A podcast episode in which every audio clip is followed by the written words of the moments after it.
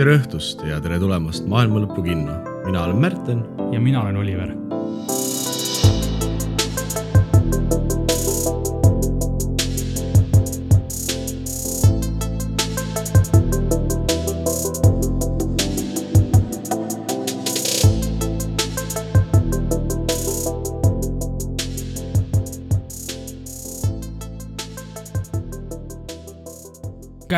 Nädal jälle me kohtume Maailma Lõpu kinos. vahepeal on jälle läinud mööda aeg, mil on saanud vaadata filme, võib-olla telesarju, võib-olla mängida arvutimänge, aga paarist filmist, mis ma olen näinud, tahaks rääkida sulle, Märten mm, -hmm. ja teile, kuulajad. aga, aga palun, rõõm jah, näha sindki uuesti ja mm, -hmm. ja kohe ma kõrvad lahti, et. sealjuures, noh, meie siin vaatame Maailma Lõpu kinos koos asju aga ma täitsa esimest korda üle väga pika aja sattusin nii-öelda päris kinno. kinno siin Tallinnas, mitte ah, maailma lõpus. mitte maailma lõpus, jah. käisin vaatamas sellist äh, Ryan Reynoldsi filmi nagu Free Guy ehk Vabamees eesti keeli ja ma ütlen kohe ära, et hea film, puhas nagu lõbu, see on lihtsalt mm. äh, lõbus film. tegemist on väga lühidalt kokku võtta, mis ta on.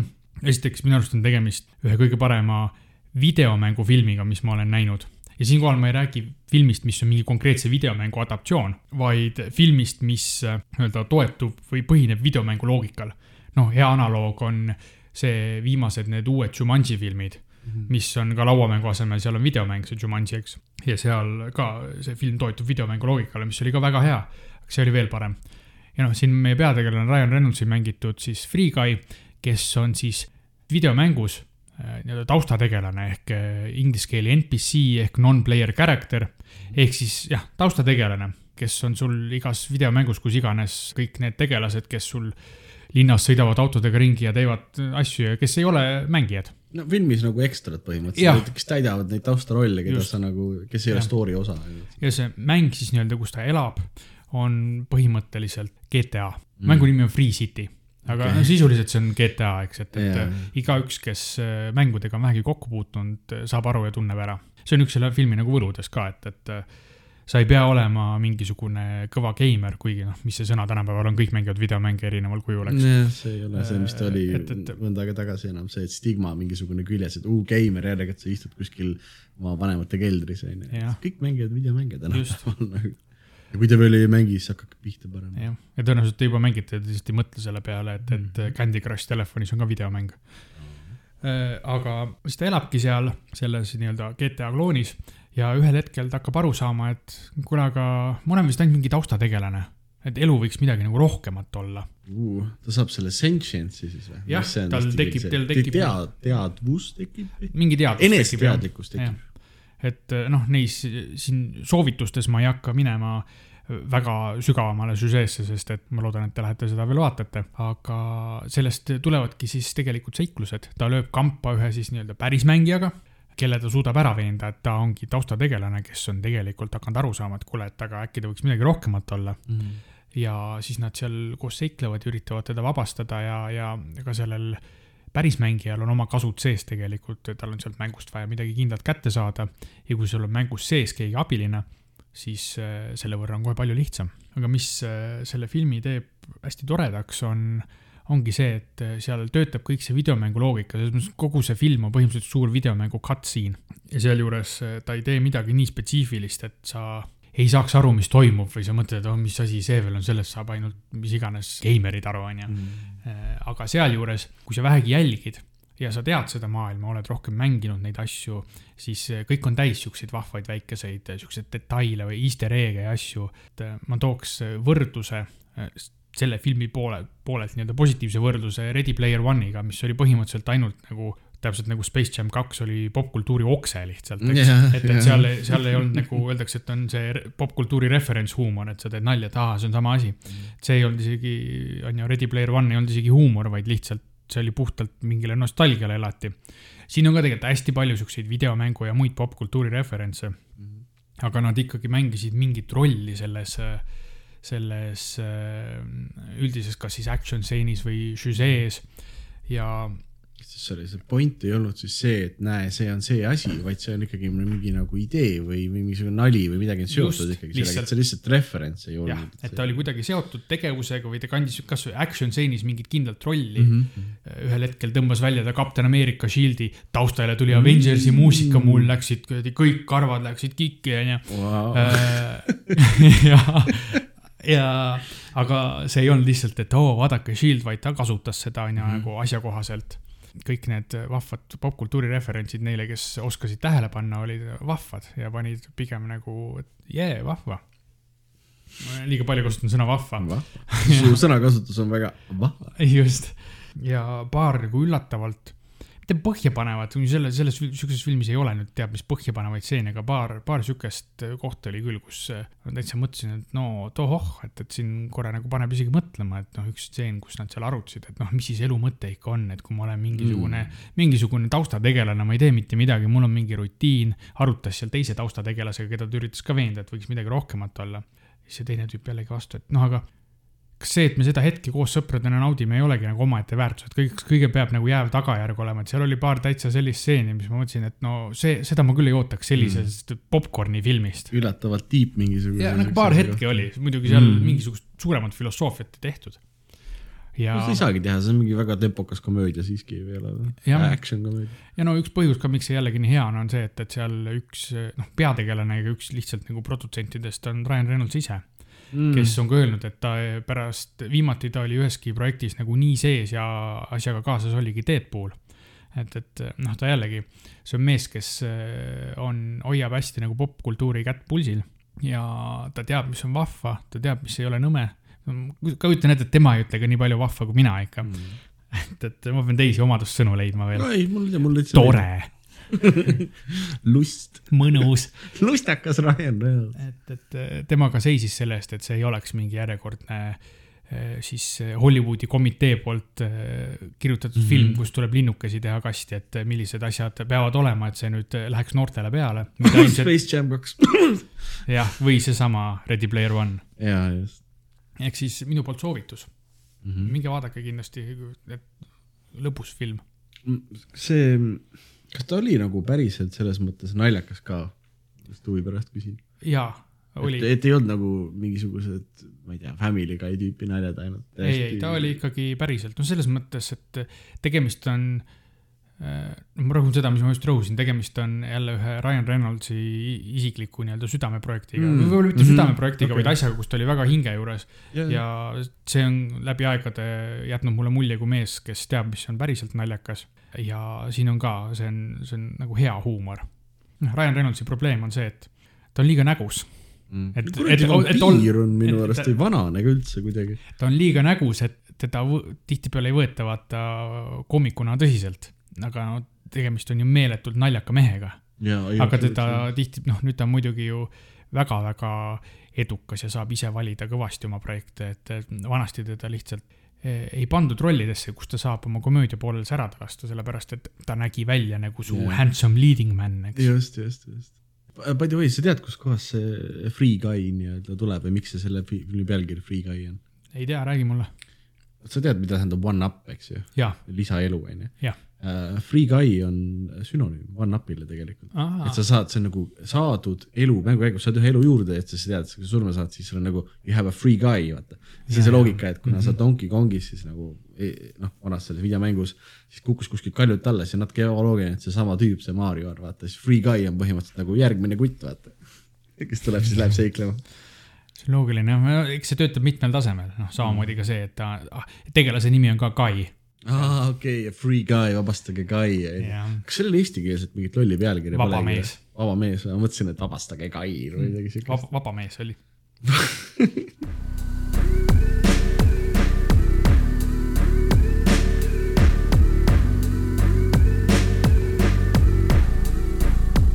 ja kes, kes veel tahab aega kulutada millegi peale, siis äh, noh, selleks ajaks, kui see asi siin teieni jõuab, siis on ilmselt juba palju rohkem osasid, aga hakkas äh, linastuma, linastumine ei ole vist õige sõna, sest see ei ole kinoekraanidel, aga viimane Marveli sari What if aa, What if lahe, ma ei ole veel vaadanud ühtegi osa, sa oled. Äh, mina olen kaks esimest osa, mis seni on välja tulnud selle lindistamise yeah. hetkel, olen ära vaadanud. tegemist on animatsioonisarjaga ja see põhinebki Marveli enda nii-öelda koomiksi siuksel, no see ei ole sari, aga koomiksi nii-öelda, kuidas sa nimetad seda, sest nad on ikkagi täiesti eraldiseisvad osad, aga ongi. antoloogia. antoloogia jah, aga mille nimi ongi What if. What if on Marveli koomiks. jaa, ma tean, see põhi, see põhinebki. see oli koomiksi antoloogia, kus iga, iga siis issue oli Eh, erinev eh, stsenaarium, et siis mis what if, et mis oleks siis, kui. üks detail on teistmoodi näiteks. või no., või mitu detaili, eks ju, see on. no tihtipeale on see, et sul ühe detaili tagajärjel kõik just, muutub. noh, esimene osa näiteks oli, eh, et mis juhtuks, kui Steve Rogersi asemel agent Peggy Carter saab hoopis Super Soldieri seerumi ja temast tuleb siis mitte Captain America, vaid Captain Carter, sest noh, esiteks ta on Briti päritolu aga äh, mitte Captain Britain, kes on päriselt ka tegelane äh,? ei, Captain okay. Carter.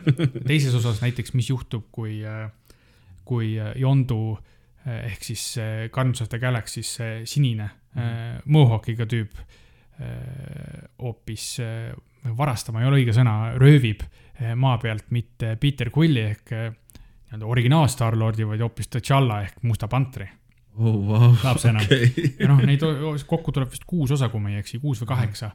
et, et äh, algus on paljulubav, Marvel hoiab jätkuvalt taset soovitan kindlasti vaadata. Nad on siis äh, nagu ütleme, nad ei ole seotud võib-olla Loki sarjaga, aga nad on selle tulem mõneti. no on see, ei kogu see sari, seal on narrator ka ja kogu selle sarja narrator on Watu the Watcher, kes ah, räägibki, et, et no näed, et multiversi on, mis iganes võib juhtuda ja mõnikord üks väike detail muudab kõike ja siin on teile üks lugu, mis juhtub, kui üks detail muutub ah,. see on nii cool kuidagi. ja noh, äh, nii palju, kui ma olen sellest äh, promomaterjalidest aru saanud, siis äh, lõpuks need alternatiivuniversumid ka kuidagi kohtuvad omavahel ja seal toimub mingisugune team-up nende erinevate tegelaste vahel. näiteks siis kapten Carter ja äh, T'Challa kujutatud Star-Lord ja mm.. ma olen kuulnud, et üks osa vist käsitleb ka minu suurt lemmikut äh, äh, Marvel zombisi. jaa ja, ja kuskil ma väga loodan, ehk on ka Howard the Duck või? No. Howard the Duck, ma ütlen sulle, et on. Howard the Duck on teises osas päriselt ka? Ma... ja tal on seal nagu suur roll oh,. ma olen nii õnnelik, sest et. Seth Green ise on tulnud häält tegema ka talle yes see on täiesti nagu õige asi. ja, et see on, need on need, noh, need on obskuursed eh, tegelased main universe'ist ja siis alternate Marvel universe'ist, kes ja. mulle nagu kuidagi miskipärast on südamelähedaseks saanud, sest et kui ma Marvel zombidest kähku võin rääkida. see on, see oli üks esimesi koomikseid, mida mina kogemata lugesin Marvelit ja ma ei teadnud, et see on alternate universe story. ma arvasin, et Marveli universe ongi literaali hakkabki otsa saama, sest et ma hakkasin zombis algusest lugema. esimene asi, mis juhtub seal on Peter Parker äh, saab äh, zombi nakkuse külge, sööb Mary Jane'i ära. siis ma olin nagu, oh well, ma just käisin kinos vaatamas väikse poisina seda Spider-man'i filmi, vaatame, kuidas see koomiksis on, onju. Vups, päris teistsugune et sealt läks nagu käima, lõpuks mingi aastaid hiljem ma sain teada, et ei, ei, see on alternate universe üldse. kuigi zombid cross isid mingil hetkel äh, tavalisse universi vahepeal üle ka. no koomiksis on kõik asjad kõigega crossover'i. ja, ja absoluutselt kuidas see animatsioon muidu selles What If sarjas on? on tipptasemel, selles mõttes, et. Äh, Budget on taga ikka. Nad on sinna pannud täpselt samamoodi suurt raha alla nagu nende wow. kõigil teistel sarjadel okay.. selles mõttes, et iga nurga alt äh, animatsioon, muusika, kirjutamine -hmm. noh, hoiavad taset. selles mõttes, et see ei ole, mul ei jää mingit muljet, et see oleks kuidagi nagu second tier sari Marvelile, sellepärast et see on mingisugune äh, kõrvallugude animatsioonisari mm. -hmm aga tegelikult ei olegi, tegelikult see ongi ju osa main universe'ist nüüd. jah, ei kõik need lood on tegelikult tehniliselt kaanon nüüd, sellepärast et nad on multiversi osa. kõik, mis iganes juhtub, on kaanon nüüd, sest multivers on lõputu. väga cool, ma jah, ma veel ei ole jõudnud selleni, aga kindlasti nüüd noh, nüüd see on esimene asi mu äh, backlog'is ilmselgelt, kuna sina soovitasid seda, eks ju. see on kindlasti ka aega väärt võib-olla Marvelist, äh, multiversist rääkides veel, Spider-man kolmel tuli treiler, Spider-man No Way Home, eks ju. just sa oled näinud seda treilerit? ma olen näinud, eh, mis mulle esimese asjana tegi seal nalja, et äh, nüüd meil on nagu kolm inimest, kes multiversi on kuidagi pekki keeranud, meil on Loki mm, -hmm. Loki variant Sylvie ja Doctor Strange, kes, kes ise natuke äh, ajas sassi oma spelli ja keeras multiversi pekki rohkem veel ja kõigi treil-, treileris tundub, et Peter võib-olla on just see, kes seal natukene vahele segab sellele spellile. kuigi noh, ilmselgelt on juba internet oli täis igasuguseid teooriaid, et tegelikult ähm, The One Who Remains ehk siis uh, Kang the Conqueror juba teadis, et nii läheb, vaata ja see lihtsalt, see pidigi juhtuma, et see nagu ei ole otseselt seotud multiversiga, et see lihtsalt juhtub enam-vähem samal ajal. kuigi, kes on Logit näinud, see tegelikult teab, et, et seal oli väga konkreetne koht, millest Kang the Conqueror enam edasi midagi ei teadnud, sest see kõik ju toimub pärast seda kas toimub, tegelikult ma ei tea, kas toimub. ei tea, sest tehniliselt see oli nagu nii-öelda aja lõpus, eks ju, aga aeg on samas nagu tsükliline ring on ju, ja noh, see on. mine sullu tea, ma üritasin siin tarka muljet jätta, tegelikult ma ei tea mitte midagi. või jah, noh, praegusel hetkel tegelikult me ei tea üldse keegi midagi, sest see on selle uue Marveli faasi algus. jah kus kõik, kõik on hästi lahtine, lahtine., et meil ei ole veel sihukest paikapanevat äh, filmi ega sarja, mis nagu päriselt seletaks selle asja ära. pane, paneks reeglid paika, on ju. Loki seletas üpris hästi, aga ta jättis siiski päris palju nagu äh, ka lahtiseks, sest et see Gang the Conqueror'i variant, kes minu arust Loki sarjas oli, tema ka tegelikult lõplikult ei teadnud. tema teadis ikkagi täpselt nii palju, et see eelnev kõik, mis oli Marvel Universe'is see on, see on nii, nagu ta peab olema ja nii oli. ja edasi ongi kõik valla. jah, edasi on kõik valla. mis on selle asja võlu, on ju, mis iga, nad võivad mis iganes nüüd teha. ja, ja rääkides sellest, et mis iganes teha Spider-man'i treileris, kes meil on, meil on Norman Osborne'i see äh, Green Goblini see pomm on seal, on ju. ja, ja see oli ju William Dafoe ise, kes seda naeru tegi. seda ei saa sassi ajada. see oli minu lemmikasi treileris. William Dafoe on minu arust super fantastiline näitleja ja kuidas saab veel rohelise goblinina kõkutada ja, ja noh, igasugu lollusi no, teha, siis no, tegelikult, palun rohkem seda mulle. jah, ja tegelikult ka teine tegelikult väga-väga hea Spider-man'i villain Spider-man kahest on ju Doctor Octopus, kes on ka tagasi Alfred Molina äh, esituses. kellel olid hirmus värvitud kulmud, kui sa treilerit vaatad nagu megase musta markeriga. aga eh, ta, mis ta ütles tegelikult, ütles, et uh, Hello Peter, Hello Peter., mulle tundus ja see on tunne, aga mulle tundus ta ei öelnud seda Tom Hollandile tegelikult. võib-olla mitte. sest et kui sa vaatad need taustad, üks neist on rongi peal ja teine on minu arust kuskil tänaval või midagi sarnast, ma vaatasin no,, erinevad olid. me ka teame, et eelmised Spider-man'i näitlejad, Tobey Maguire ja ja Andrew Garfield. Andrew Garfield on ka mõlemad cast itud seal filmi. on, kas sa oled, on, on see kindel, sest et äh, mina sain aru et see on ruumor alles. mina olen aru saanud, see on üsna kindel, aga ma ei hakka isegi seda järgi vaatama, ma tahan üllatuda, kui ma ja, seda filmi vaatan. suht sama, suht sama. Äh, igal juhul äh, treiler jällegi näitas, et on oodata head taset. kui cool see tegelikult, et nagu on, kui cool see on, et neil on nii crazy'si asju saaks teha nagu, nagu eelmistest Sony tehtud filmidest näiteks me saame üle tuua siia Marvelisse neid pahalasi, eks ju. ja see kõik on filmi mõttes on see loogiline kõik, see make ib sense'i, et see on Ei. alternate universe ja that's how it is, nüüd nad on siin. põhimõtteliselt. Time nad, travel baby Nad põhimõtteliselt andsid endale äh, täiesti va, va, vabad käed teha põhimõtteliselt mis iganes fanfiction'it, mis nad tahavad, kõige absurdsemaid asju. ja see kõik saab juhtuda. nii et ma ootan põnevusega, mida, mida nad teevad absoluutselt sama ja, sest see saab, see saab päris hea olema, nagu näitasid eelmised ämblikmehe filmid ka, et äh, Sony ja Marvel suudavad koos teha koostööd ja väga häid asju. ja ma ootan absoluutselt suure põnevusega seda. andke rohkem Tšelovek pauki mulle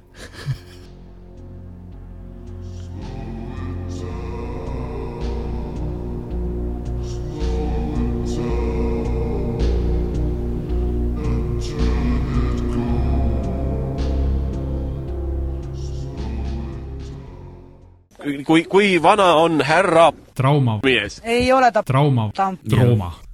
Uh, ja uhkelt raskelt, kas sul oli väljakutse? mul oli e,, tegelikult e, väl, oli väljakutse, väljakutse oli see film kuskilt nii-öelda üles leida. Aga ülesse ma ikkagi leidsin. Ja kui ma ütlen film, siis ma mõtlen ilmselgelt saksa sürrealistliku filmi Kondoom des Grauens eh, ingliskeelse pealkirjaga Killer Condom, kuigi Kondoom eh, des Grauens on eh, pigem otsetõlgituna oleks The Condom of Horror. see ilmselt on vihje tei-, teisele kuulsale saksa, saksa filmile Nosferatu eine Symphony des Grauens ehk siis Symphony of Horror see, see kõlab nagu mingi õppevideo katoliiklikus koolis Es... kondoom on kurjast, kui te seda kasutate, siis te surete. ärge üldse vaadakegi vastassoo poole. huvitav on see, et lõppkokkuvõttes sa ei ole eriti kaugel asjast. miks see nagu siin nii-öelda trauma plokis siis või äh, trauma nimetuse all on, et nemad seda nagu ei teinud otseselt, aga nad ähm, olid selle filmi levitajad siis väljaspool äh, Saksamaad. Sest noh, keegi teine sellist filmi väga-väga äh, ei levitaks ilmselt. leidsid, et see on piisavalt nende auku, et, et honorari trauma? Äh, ja nad näiteks, et seda filmi promoda, läksid Cannes'i filmifestivalile ma ei tea, kas neid sisse lasti, aga nad vist olid värava taga, seal protestisid ja neil oli kaasas pikk, suur kahemeetrine kondoom. Magnum, Magnum XL. Magnum Dong oli kaasas. Kui ma nüüd üritan seletada, mis filmiga on äh, tegemist, ta on õuduskomöödia. Need on nii veidrad žanrid, mida nagu kokku panna, sest üks neist, õudus, on loodud looma sinust pinget. komöödia on loodud naeruga pinget vabastama siis need kokku panna on alati nagu sihuke huvitav, sihuke rist, ristumine nagu. ta on natukene nagu äh,, nagu avalikult nagu püksi lasta, vaata põhimõtteliselt, et noh, on õudus küll, aga tihti ei jää muud üle kui naerda, vaata Horror comedy, siis kähku kodu poole äh,. aga see on, see on hea film, millest nagu ma ei isegi tea otseselt, kust plotiga alustada, aga alustame sealt, kus kõik head asjad hakkavad alguses, onju. kõik film on saksa keeles näitlejad teesklevad, et nad on New Yorgis. nagu kõik setid on tehtud, nagu nad oleks New Yorgis, neil on mustanahaline police chief ilmselgelt, kes räägib saksa keeles, vaata. ah, Max Sander, du bist jetzt hier. umbes, samas on nagu mustanahaline, ta ei ole peale loetud, kõik ongi nagu, nagu. aga sa tead, et äh, saksa keelt rääkivaid mustanahalisi on ka olemas? mina ei ole näinud, aga tegelikult filmis oli üks, kurat, okei okay,, nõus, jaa, on küll. ja filmi peategelane on New Yorgi politsei, politseidetektiiv Luigi Macaroni kes on ähm, gei ja teda äh, pannakse siis uurima äh, sellist huvitavat olukorda, kus ühes tunnihotell, eks ju, aga noh, tunnihotell selles mõttes, et sa rendid toa, et sinna prostituudiga magama minna, eks see on siuke nagu. Eestis vist ei ole väga siukest asja, Eestis ei ole nagu motellikultuuri ka, sest äh, motellid on ka siuksed, mida sa USA-s saad tunni kaupa võtta, et sinna prostituudiga minna. just, ta on nagu mittetulundus lõbumaja põhimõtteliselt onju, kui ma peaksin nagu midagi arvama Non-profit, äh, okei okay ja ta on ka selline film iseenesest sihuke gritty noir selles mõttes, ta on detektiivi story. ta on komöödia, ta on õudus ja, ja sealjuures veel noir. ta on noir ka ja niimoodi, et see meie peategelane Luigi Macaroni onju eh, või nagu tema eks eh, Bob, kellest filmi jooksul on saanud transvestiit Babette, teda kutsub Lugi, kuna ta ei oska Luigi öelda korralikult ja no nagu ma ütlesin, ta on noir, noir selles mõttes, et äh, peategelane loeb pidevalt oma nagu mõtteid peale, et oo nüüd ma lähen sinna ja läksin, läksin noh, tollesse kohta mingid kaabakad olid seal ja siis ma nägin naist, keda ma kunagi ei unusta, noh tead nagu nad ikka on. aga kas seal on ka seepiatooni valgus, mis tuleb läbi ribikaardinate, sest ilma selleta ei saa küll noiri olla? ühes kohas on, huvitav on see, et seal on ka see see hästi aurune, see stiimi, see, see dušistseen või see shower scene siis, eks ju. aga see on lihtsalt äh, Luigi'st ise, mis sa vaesel ajal teed, onju. tegeled iseendaga. jah, aga äh,. hügieen on tähtis tegeled iseendaga Luigi Macaroni siis uurib äh, seda juhtumit, kus non-profit lõbumajas keegi on äh, hakanud nokse ära hammustama ära hammustama. ja süüdistatakse neid prostituute siis vaata, sest nad alati ju panevad paanikas jooksu onju ja noh, tüübid, tüübid leitakse maast verisena ja peenis on voodi all alati onju. ja Luigi satub samamoodi siis sinna lõbumajja, pooleldi nagu töökorras, pooleldi siis noh, oma kasu eesmärgi, ütle, ütleme niimoodi. oma lõbu eesmärgil. väga hea, oma lõbu eesmärgil. duši all hakkas nukker liksida. ja tema ja siis üks, üks noorem kutt Billy on siis kahekesi toas, hakkavad seal tegutsema ja äkitselt haarab Luigi munast tappija kondoom teravate hammastega. Luigi'l vedas, et sai ainult muna kätte selles mõttes, aga jah, Luigi ongi haiglas siis äh, ühe munaga ja Billy, äh, kes on sihuke tore poiss tegelikult, vaata, sihuke nagu peaaegu nagu Batman'i Robin siis Luigi'le, mitte et siin neid alatoone tõmmata nüüd Eh, kuulutatakse tagaotsitavaks, et noh, et eh, kust sa ikkagi siis niimoodi muna ära mustasid Luigi'le ja Luigi muidugi väidab, et ei, ei, et see oli tapjakondoom, aga keegi ei usu teda. sest et ta väidab, et ta munadi hammustas ära tapja kondoom, loomulikult. jah, just, et see, see ongi nagu hästi huvitav filmis, et nagu täiesti, noh, kõik on täiesti absurdne, nagu, nagu sa võid arvata. aga keegi ei suuda uskuda, et sihuke asi nagu tapja kondoom liigub seal. ja siis nad üritavad seda kondoomi nagu kätte saada, Luigi siis teeb küll viinerist lõks, lõkse on ju, küll seal noh, osad tüübid üritavad teda naturaalsete meetoditega kinni püüda aga lõpuks õnnestub Luigi'l siis kondoom äh, maha lasta, kui see ühte tema, tema sõbrast politseinikku üritab rünnata. siis nad saavad aru, et see kondoom on tegelikult, äh, ongi elusolend.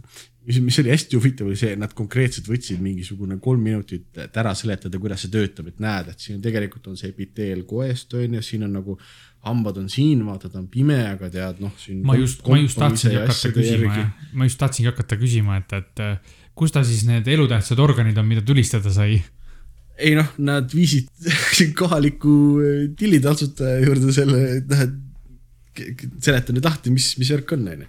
ja tõesti seletasid nagu peaaegu teaduslikult lahti, et kuidas see elusolend peaks nagu töötama. ja siis tuleb välja, et neid, neid elusolendeid on rohkem kui üks.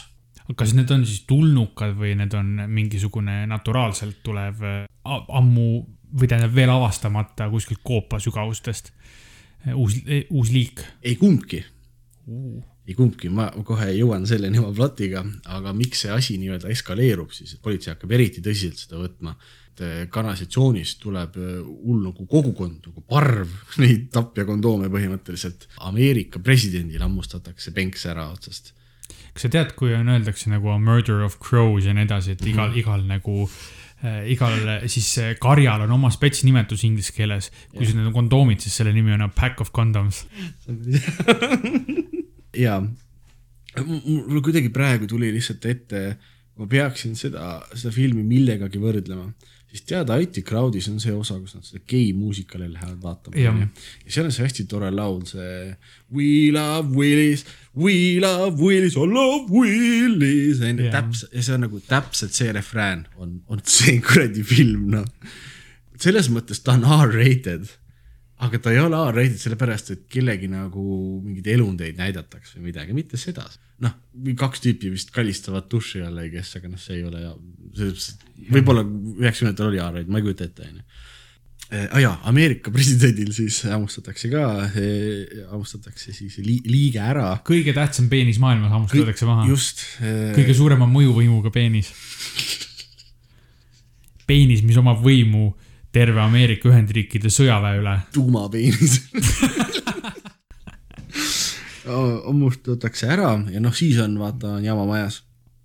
jama on valges majas. jama on valges majas ja, ja meil on igasuguseid siukseid lahedaid tegelasi, nagu ma siin enne mainisin, see äh, Luigi Macaroni siis endine partner tööalaselt kui nagu päriselus siis äh, Bob, noh, ta oli ka politseinik, vaata siis äh, Bob hakkas transvestiidist äh, lauljaks selles äh, mittetulundus lõbumajas. ta on üllatavalt lahe tegelane tegelikult, sest ta on hästi sihuke nagu burly, sihuke, sihuke mehine poliismees, vaata, siis jookseb, jookseb nagu noh siuksed, isegi naiseriided, need on stereotüüpsed lõbutüdruku riided, vaata onju, noh, sugad ja nagu yeah. hästi siuke, tead küll see outfit onju. jookseb selles ringi ja ütleb, et tema ei ole Bob, ta on Babette, palun, palun nimetage mind nüüd nagu asi peab olema e ja siis, kui nagu see parv neid kondoome, pack of condoms, nagu sa ütlesid, on kanalisatsioonist siis äh, nii-öelda New Yorki laastama tulnud, siis äh, jõuab Luigi ja tema, tema sõbrad, Billid ja Bobid ja Billy Bob, see kõlab nagu mingi kondoomifirma. ja seal on veel huvitavaid tegelasi. minu arust Billy Boy oligi päris kondoomifirma. mitte Billy Bob, Billy Boy muidugi mm. -hmm. jõuavad siis asja uurima, siis tuleb välja, et ühe kristliku haigla keldrit on üks kuulus teadlane, on aheldatud siis sihukese suure masina külge ja, ja, ja kristlased sunnivad teda eh, tapja kondoome valmistama või aretama tegelikult seal, selleks, et siis maapealsete pervertidega võidelda. ja seal on noh, ilmselgelt kuna Luigi'l, nagu me enne ütlesime, on, on magnum tong, siis neil on Luigi jaoks on tehtud selline kõikide tapjakondoomide lord, selline kõva meetrine isend kihvade ja kõikidega asjadega, kes siis seal filmi lõpus nii-öelda seda, seda kurja nii-öelda lõpubossi põhimõtteliselt eh, kehastab. meetrine, noh, meetrine kondoom muidugi päris kaiju movie nagu mõõtu välja ei anna, aga mm. see oleks ju, see oleks, see ei oleks tõsine horror. kusjuures on pilvelõhkujate suurused killer kondoomid. King Dong on küll asi, mida ma tahan lihtsalt, ma saan korra podcast'is ära öelda. ja lõpuks siis see peakristlane, kes selle kõige taga on, ütleme, kukub äh, nende kondoomide merre ja siis ta süüakse ära. ja lõpus äh, Luigi ja Billy on jälle õnnelikult koos ja kõik on hästi. ja selles mõttes that's about it nagu ploti, ploti põhjast. kohe hullult tahan ära mainida, et ma, ta on, nagu sa võid aru saada, väga tugeva gei alatooniga film. ja nad teevad nagu nalja selle üle, aga need naljad kui sellised on äh, noh, nagu positiivsed selles mõttes, tundub nagu, nagu see olekski kiri, noh, tehniliselt see ongi, ongi, meile ma räägin sellest, see ongi tegelikult ühe nagu äh, gei inimese poolt kirjutatud. Äh, et need naljad on sellised, nad on väga tõesti naljakad ja nad on no muidugi absurdsed ja sellised nagu veits nilbed, no nagu sa kujutad ette, romafilmid ikka on, aga nad ei ole kunagi sellised, et ju vaata, vaid nagu uu, pigem noh. Et, et see vahe on nagu hästi suur, et kas nad teevad selle üle nalja, et sa oled gei, vaata, või nad teevad selle asja nagu fun'iks või nagu noh, tava, noh, ma ei saa öelda normaalseks, et see on veits fucked up film on, onju. aga ta on nagu kuidagi, see vibe on nii positiivne, mis seal taga on, vaata. Et nagu filmi point ei ole seda, et kuidagi seda alaväärustada. no mul tekib kohe paralleel näiteks, miks äh, äh, vähemalt minu arust äh, ei ole Big Bang Theory üldse hea sari ja mm. ei, ei, kuigi paljud on, oo, populariseerib äh, ka seda, et kui normaalne on ikka olla nagu nii-öelda mainstream mõttes nerd ja nii edasi, aga seal on täpselt sama lugu. seal e, ei tehta nalja koos nende inimestega, vaid mm. seal on alati nalja point on see, et oo, vaadake, kui imelikud nad on, vaadake, nad on siuksed nerdid, nii naljakas. et, et see on, see on see vahe, eks, et e, kas tehakse nalja nende nii-öelda naljasubjektidega koos või nende üle. jaa, absoluutselt, see, see mulle, mulle ka just Big Bang Theory sellepärast ei meeldi, et ta nagu noh, väidetakse, et ta öeldakse, et nagu nerd olla on okei okay,, onju, aga nagu ei ole, ta näitab, et nad on veidrikud. Nagu, igas... Nende üle tulekski nalja ja, teha. et, et see ei ole nagu põhiline point. jah, et tehakse nalja selle üle, noh, sa ei, sa ei tohiks kunagi teha nalja selle üle, kuidas või kes keegi on, vaid alati selle üle, mida keegi teeb mm. -hmm kusjuures hea point, ma praegu hakkasingi mõtlema selle peale, et vaata, nagu ma ütlesin, Luigi on, äh, no peategelane on gei näiteks, onju. ja mitte keegi politseijaoskonnas kordagi ei viita sellele tegelikult, kõik teavad. See ei ole point ja see ei jää kellelegi ette, nagu miks peaks jääma ja selles mõttes absoluutselt, et see nagu ei ole point, aga noh, samas nad absoluutselt ka nagu ei, ei kaldu sellest teemast kõrvale kuidagi ehk siis normaalne teevad... suhtumine, see on lihtsalt elu osa nagu iga teinegi. jah, noh, et nii on, on ju, et see, et see oli nagu hästi-hästi tore minu arust selle et ta on väga nagu positiivne selles mõttes mm. -hmm ma mõtlen, et kui sellele filmile peaks kunagi sequel tulema, siis äh, saaks ju teha imehea crossover'i äh, temaatiliselt mõneti natuke ääri-veeri sarnase filmiga Teeth, kus on üks noor neiu, kellel on vagiinas hambad ja ta käib peeniseid otsast ära hammustamas oh,. Teeth, Teeth on uh, võimas, ei ole absoluutselt õige sõna selle filmi kohta. Seal on ju lisaks sellele, mis sa just mainisid, on ka mingid kõvad, kõvad incest alatoonid, sest see vend tahab panna teda. see on, see film on eraldi teema, sellele ärme pikemalt peatu. pikemalt ja selles mõttes, et ja ma, ma ei taha isegi öelda, kas ma soovitaks seda või mitte, mul on hea meel, et ma seda näinud olen aga ma oma vanaemaga koos küll seda ei vaataks. ma arvan, et ma isegi uuesti ei vaataks seda, see on sihuke, ühe korra kogesin ära ja ma ei tunne, et ma uuesti peaks. jah, absoluutselt. nii, aga küsimus käesoleva Rooma filmi kohta, sest see, see põletav küsimus minu jaoks, mis mm, -hmm. mis mul sinu jutust tegelikult ei tulnud välja yeah.. kas see on film, mis on nagu päriselt täitsa hea või siis see on üks neist, et ta on ikka nii sant, et ta on nagu hea ja lõbus on vaadata, sest et ta on paras jura, et ma nagu ei, tegelikult ei saagi aru, kuhu, kumbas, kumbale poole ta kaldub. ta on film, mis on äh, päris hea. et nende budget on äh, mikro, mikro budget selles mõttes on.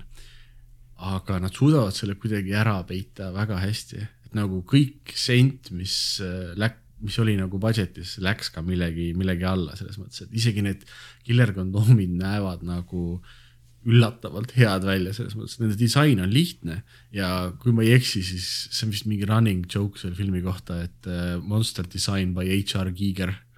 ma nägin, et kuskil advertise isid seda, aga ma ei tea, kas see on tõsi, internet ei öelnud mulle, kas see on nii päriselt või mitte, aga arvestades, et HR Giger on ka sakslane, eks ju.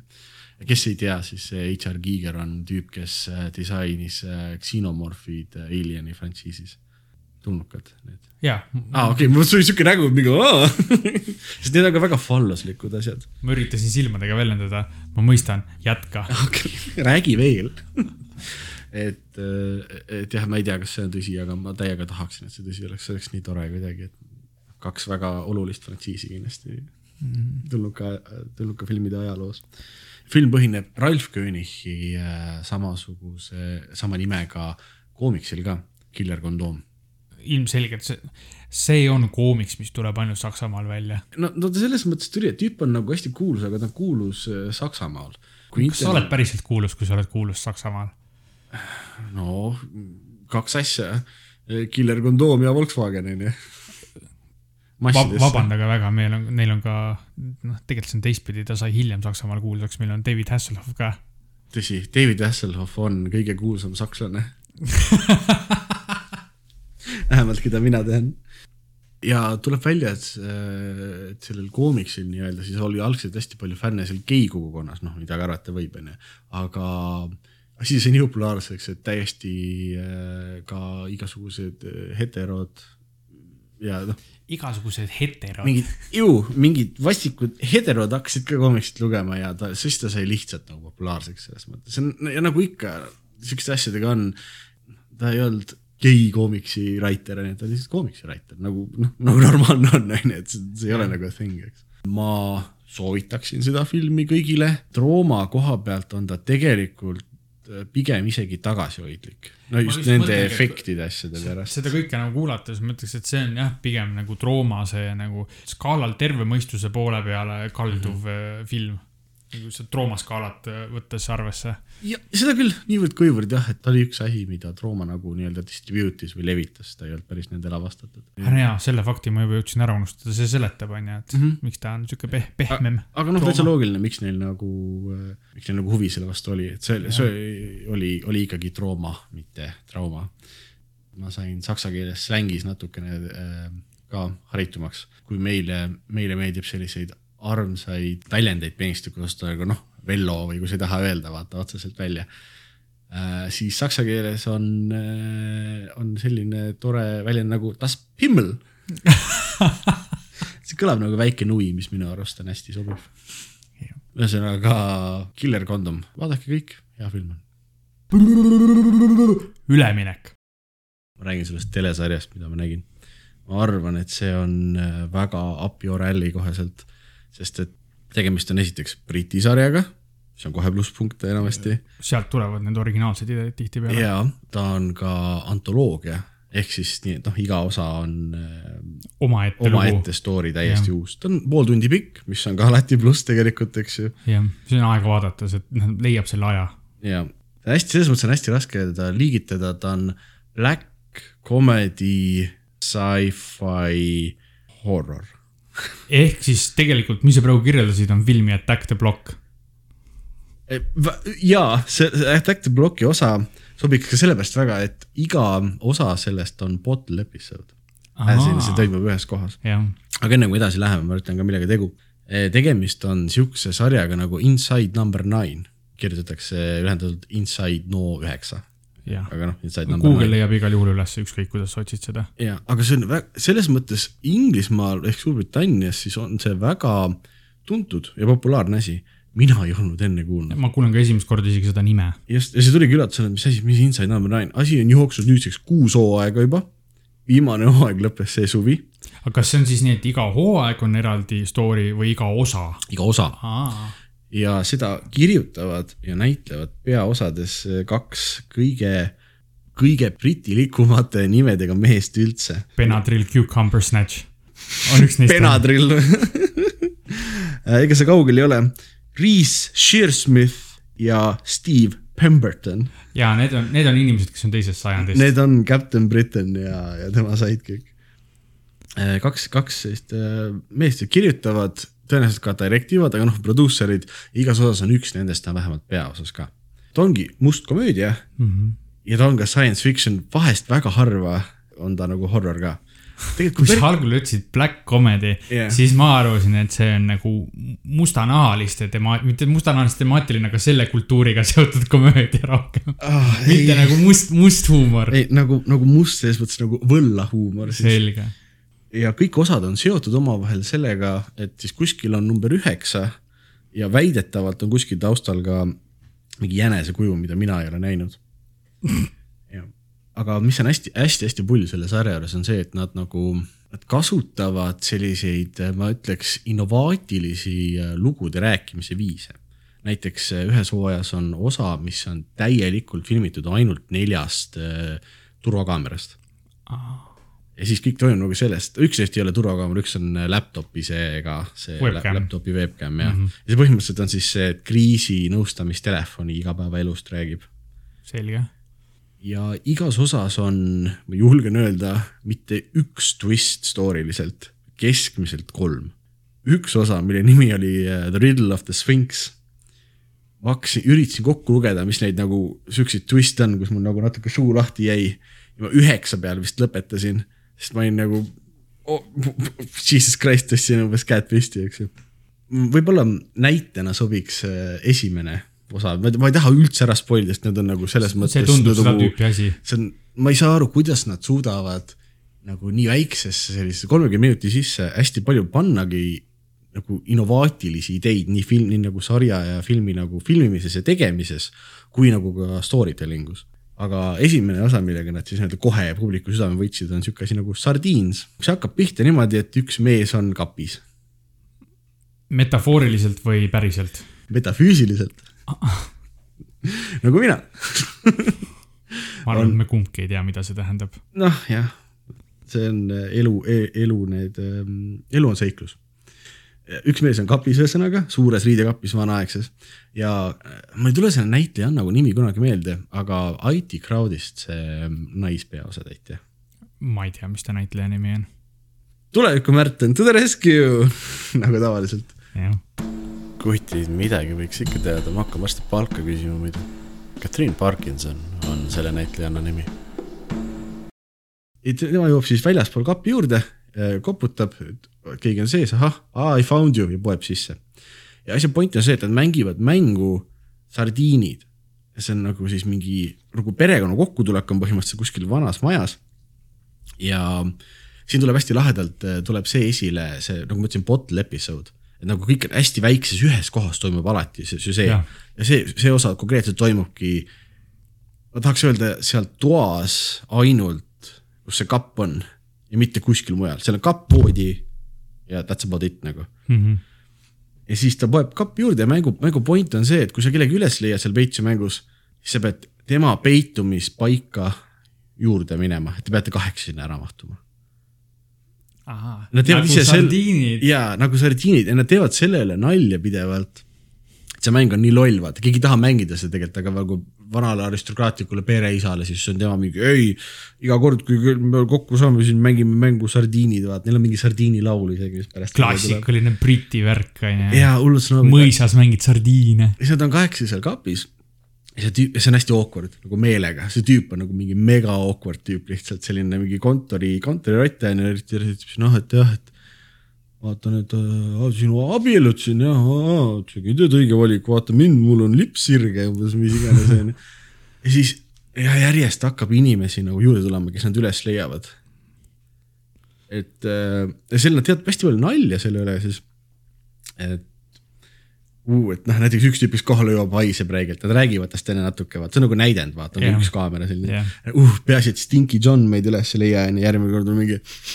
Oh lord, Stinky John's coming, vaata, siis tuleb nurga tuleb mingi vend, oo, ma pole täna pesnud umbes. ja siis järjest nagu lähevad sinna äh, kappi äh,, kappi nagu juurde hästi rohkem neid. Ja siis Pemberton ja Shearsmith, kes seda kirjutavad, mängivad geibaari seal, mis on hästi tore minu arust, päriselus nad minu teada vähemalt ei ole geibaar ja lähevad kapi inimesi juurde, lõpuks need kapi eriti ära ei mahu, osad tüübid on juba voodi all peidus, vaat. Hull nagu draama, naeratage, sihuke päris naljakas on vaata see ja lõpuks siis jõuab see pereisa kohale, et ei, et mis, et me peame kuradi kõik minema siin, sinna ikka kappi peitu, vaata. Nagu reeglid nagu reeglid ütlevad, noh, sihuke vana onkel on ju, lahedaid mingeid näitlejaid tunned ära nagu ikka vaata seal. ja äh, võite muidugi kõrvad nüüd äh, kinni panna, natuke edasi kerida, kes ei taha selle loo spoilereid, aga loo, loo point siis põhimõtteliselt on see, et, et ühel hetkel hakkab, tuleb nagu jutu käigus on hästi palju siukseid hinte nagu tropitakse, mis on siuksed blink and you miss it vaata asjad, mida sa pead nagu, enamasti need osad ongi sellised, sa pead nagu hästi palju tähele panema. kui sa tahad nagu ütleme nüüd ette aimata või mis asja, mis päriselt toimub, vaata nagu tihti, tihtipeale on see, et mis päriselt toimub, vaata. ja see ongi see, et kuule, et äh, see, see tüüp, kes abiellub, siis joob ka kappi lõpuks nagu tavaliselt. ütleb, et kuule, ma pean oma sõbrale Dave'ile nagu äh, järgi minema.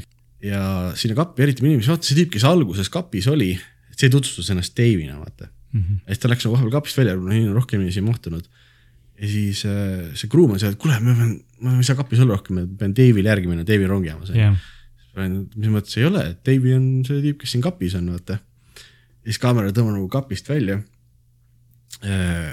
ja siis samal ajal Dave'i on väljas, lihtsalt seob nagu mingi nööriga seda ust kinni, vaata.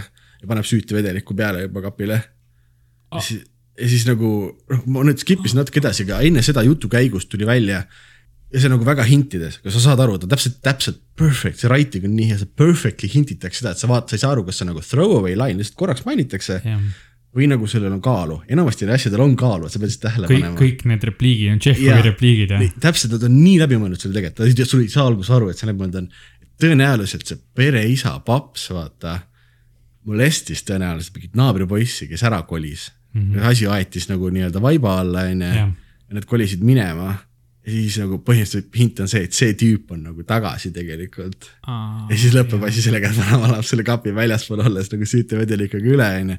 võtab Jaxi tööle ja siis on I love sardines onju. nagu noh, ma, ma ei kirjeldanud seda võib-olla väga hästi, aga sa saad umbes aru, aru, mis tüüpi sari see on, vaata. ta on, ta on väga hästi kirjutatud, hästi naljakas, ta on hästi smart, onju. Aga nad ei tee nalja, kui nad ütlevad, et see on black comedy, sest et see on ilgelt sünge aeg-ajalt, aga ta nagu sellisel viisil sünge, kus sul on hästi ebamugav ja sa naerad, sest et see on uh, ja nagu ma täiesti ma, mitu korda suutis see sari mul nagu karbi lahti võtta täiesti nagu ma lihtsalt võtsin suu lahti, et mida, what nagu osa viimast sekundit lihtsalt hoiad peast kinni, siis tuleb see lõputiim, on to the next one. ma vaatasin ühe päevaga, oli sihuke vaba pühapäev onju, vaatasin ühe päevaga kaks ja pool season'it seda see on, see on binge watching jah. ma ei suutnud lihtsalt lõpetada, ma olin lihtsalt nagu jaa, järgmine, järgmine, let's go, vaata. Nad on meele, meeletult auhindu võitnud. sarja teine osa võitis hästi palju auhindu sellepärast, et see on täiesti dialoogivaba põhimõtteliselt. et tegelasi on hästi palju ja nad leiavad põhjuseid, miks keegi ei räägi. Nad, nad ongi siuksed asjad, mida sa nagu ei näe tulemas nagu, mis värk. ühesõnaga päris nagu ma ei tea, kas innovaatiline on õige sõna, innovaatiline on väga leidlik mm., leidlik sarja tegemine yeah.. sa ütlesid, et seal on üks, üks komponentidest on ka sci-fi, et kas seal on ka siis mingit, ma ei tea, siukest Black Mirror tüüpi sci-fi elemente siis? mul, mul hakkab praegu tunduma seda kusjuures, et ma ütlesin kohe sci-fi siukse nagu reaktsioonina vaata, sest kui ma hakkasin mõtlema, siis tegelikult science fiction'it kui sellist väga palju ei olegi ja horrorit on samamoodi hästi vähe tegelikult. Pigem ongi see, et, et nagu ta on sihuke nagu sünge, sihuke tavaolukorrad, mis lähevad nagu üllatavatel viisidel väga käest ära mm. -hmm. Need naljad, mis on, on, ta ei ole nagu selline väga ühiskonnakriitiline otseselt, aga ta on mingil viisil selline hästi samastuv, sa suudad nagu samastuda selle olukorra, mõtled. paralleele tõmmata oma eluga. just, et nagu uh, et ma oleks peaaegu sarnases olukorras olnud või sa saad aru, miks need tegelased on sellised, vaata, et see kir-, see writing või see nagu, kuidas sari kirjutatakse, on hästi loogiline, sinu jaoks arusaadav aga kuna su empaatiavõime on, kuna su, kui sul on empaatiavõime olemas, siis sa suudad samastuda nende tegelastega, see tähendab seda, et sa nagu elad nagu nii palju sisse sellesse. See on jah veider, kui sa suudab nii palju erinevaid asju olla nagu üks, üks see sari jah, ega see noh, tõde tulebki tavalistest asjadest, on ju, need kõige paremad asjad saavad alguse, kui mõne selle kirjanikuga on pä-, või noh, stsenaristiga on päriselt midagi sihukest või selle moodi juhtunud, on ju. Mhm. aga kas seal on siis mingisugune nagu metavers ka, sa ütlesid, et igas osas on nagu kuidagi mängus number üheksa mm -hmm. ja mingi müstiline jänes, et kas seal on mingisugune ülene asi ka, mis mm. lõpuks või see on, see on lihtsalt temaatiline seos ainult. see vist ongi nagu temaatiline seos, mulle tundub, et nad lihtsalt tahtsid nagu mingisugust pisikesi seoseid teha, vaata näiteks noh, et alati on see mingi number üheksa on kusagil. no ja mingi piirang võib olla, vaata piirang on jälle üks neist asjadest, mis nagu mõjub tegelikult loovusele positiivselt, sest kui sul on mhm. täiesti vabad käed teha ükskõik mida, siis sul tuleb kramp peale, aga kui sul on piirid ees, siis sa juba noh, võib, see võib ka see element nagu olla, et nad äh, mingi ühe asja ümber teha, siis on nagu noh, see tolmutera, mille ümber see unikaalne lumehelbeke hakkab taevas tekkima, onju. just nagu sa ütlesid, see, see piirang nagu sunnib loov olema ja ma ütleks, see tegelikult see loovus ongi just see, mis kõige paeluvam minu arust, sest et sa kunagi ei tea, mis edasi saab. ning sa kunagi nagu ei saa ka kohe alguses aru, mis tooni see nagu osa on nüüd, mis just käima läks, sest kas ta on nagu naljakas, enamasti on naljakas. aga mõni osa on selline, mis on nagu kuna need tegelased on, on siuksed hästi head nagu komöödia writer'id tegelikult on äh, see Pemberton ja Sheer, Shearsmith, siis nad panevad, pikivad siukseid väikseid nalja alati sisse, aga mõni osa on ikka päris pagana, päris, päris sünge. jah, paneb nihelema ikka. paneb ikka nihelema ja ma, ma ütleks sellele nagu see vibe, mis sellel on, meenutab hästi palju äh, seda, mida on üritatud teha, vaata nagu ähm, taaselustada vana Twilight Zone'i nagu see ähm, Jordan Peele tegi vist uus versiooni Twilight Zone'ist, ma ei ole veel seda tegelikult väga näinud. osad kiidavad, osad laida, laidavad, eks ju, siis teine hästi kuulus, see Black Mirror. seal ma olen ka paari osa näinud, kaks, kaks osa, mis mulle soovitati, mida ma ära vaatasin. Hang the DJ on väga brilliant, nagu, nagu päriselt nagu kohustuslik vaatamine, sa tead, millest ma räägin. mina olen Black Mirrori kõiki osi näinud, kaks, ma olen neid ah, uuesti okay. ka vaadanud, sest mulle see sari hästi meeldib mm. -hmm. Need viimased hooajad on ka väga-väga lahedad olnud okei okay., ja siis teine osa, mis ma nägin, oli see John Juniperno või kuidas sa hääldad seda, vaata see, kus nad äh, seal tehisreaalsused vananesid. vanade kodu, tehisreaalsuse vanade kodus jah. jah, põhimõtteliselt, eks ju see, et need kaks osa, mis olid hullult head. Aga mulle kuidagi Black Mirror on alati tundunud natukene selline ma ei taha öelda miserable, aga saad aru, mida ma umbes mõtlen vist vaata. enam-vähem. et sihuke natuke, ta kuidagi nagu sünge selleks, et olla sünge, eks ju tead, ma ei ole nõus. ei, selles mõttes, et jällegi ma ei saa ka öelda seda, kuna ma ei ole näinud paljusid osasid, eks ju. et aga nendes. Nad on täpselt minu arust siuksel düstoopia äärel, et kõik asjad seal osades mm. Saaksid juhtuda, kui see üks mingi järjekordne tehnoloogiline hüpe, mis selle osa siis nii-öelda science fiction on, on nagu juhtunud mm, -hmm. võttes võttes arvesse, mis asi on inimloomus, on ju. ja, ja, et nad on peaaegu nagu noh, kommentaari selle kohta, kuidas inimene, tehnoloogia nagu tulevikus ilmselt peavad noh, üksteisse suhtuma saavad, on ju, ja mis ja. nagu edasi võib saada, et selles mõttes Inside number nine on tõenäoliselt, kui sa selle suurem tehnoloogia osa nagu välja võtad, siis ta, ma ütleks, on mõneti sarnane. Lihtsalt ta on veidi rohkem sihuke tempokas äh, Briti sitcom.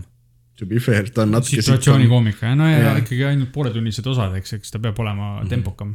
Yeah.. Äh, lugu peab olema kompaktsem.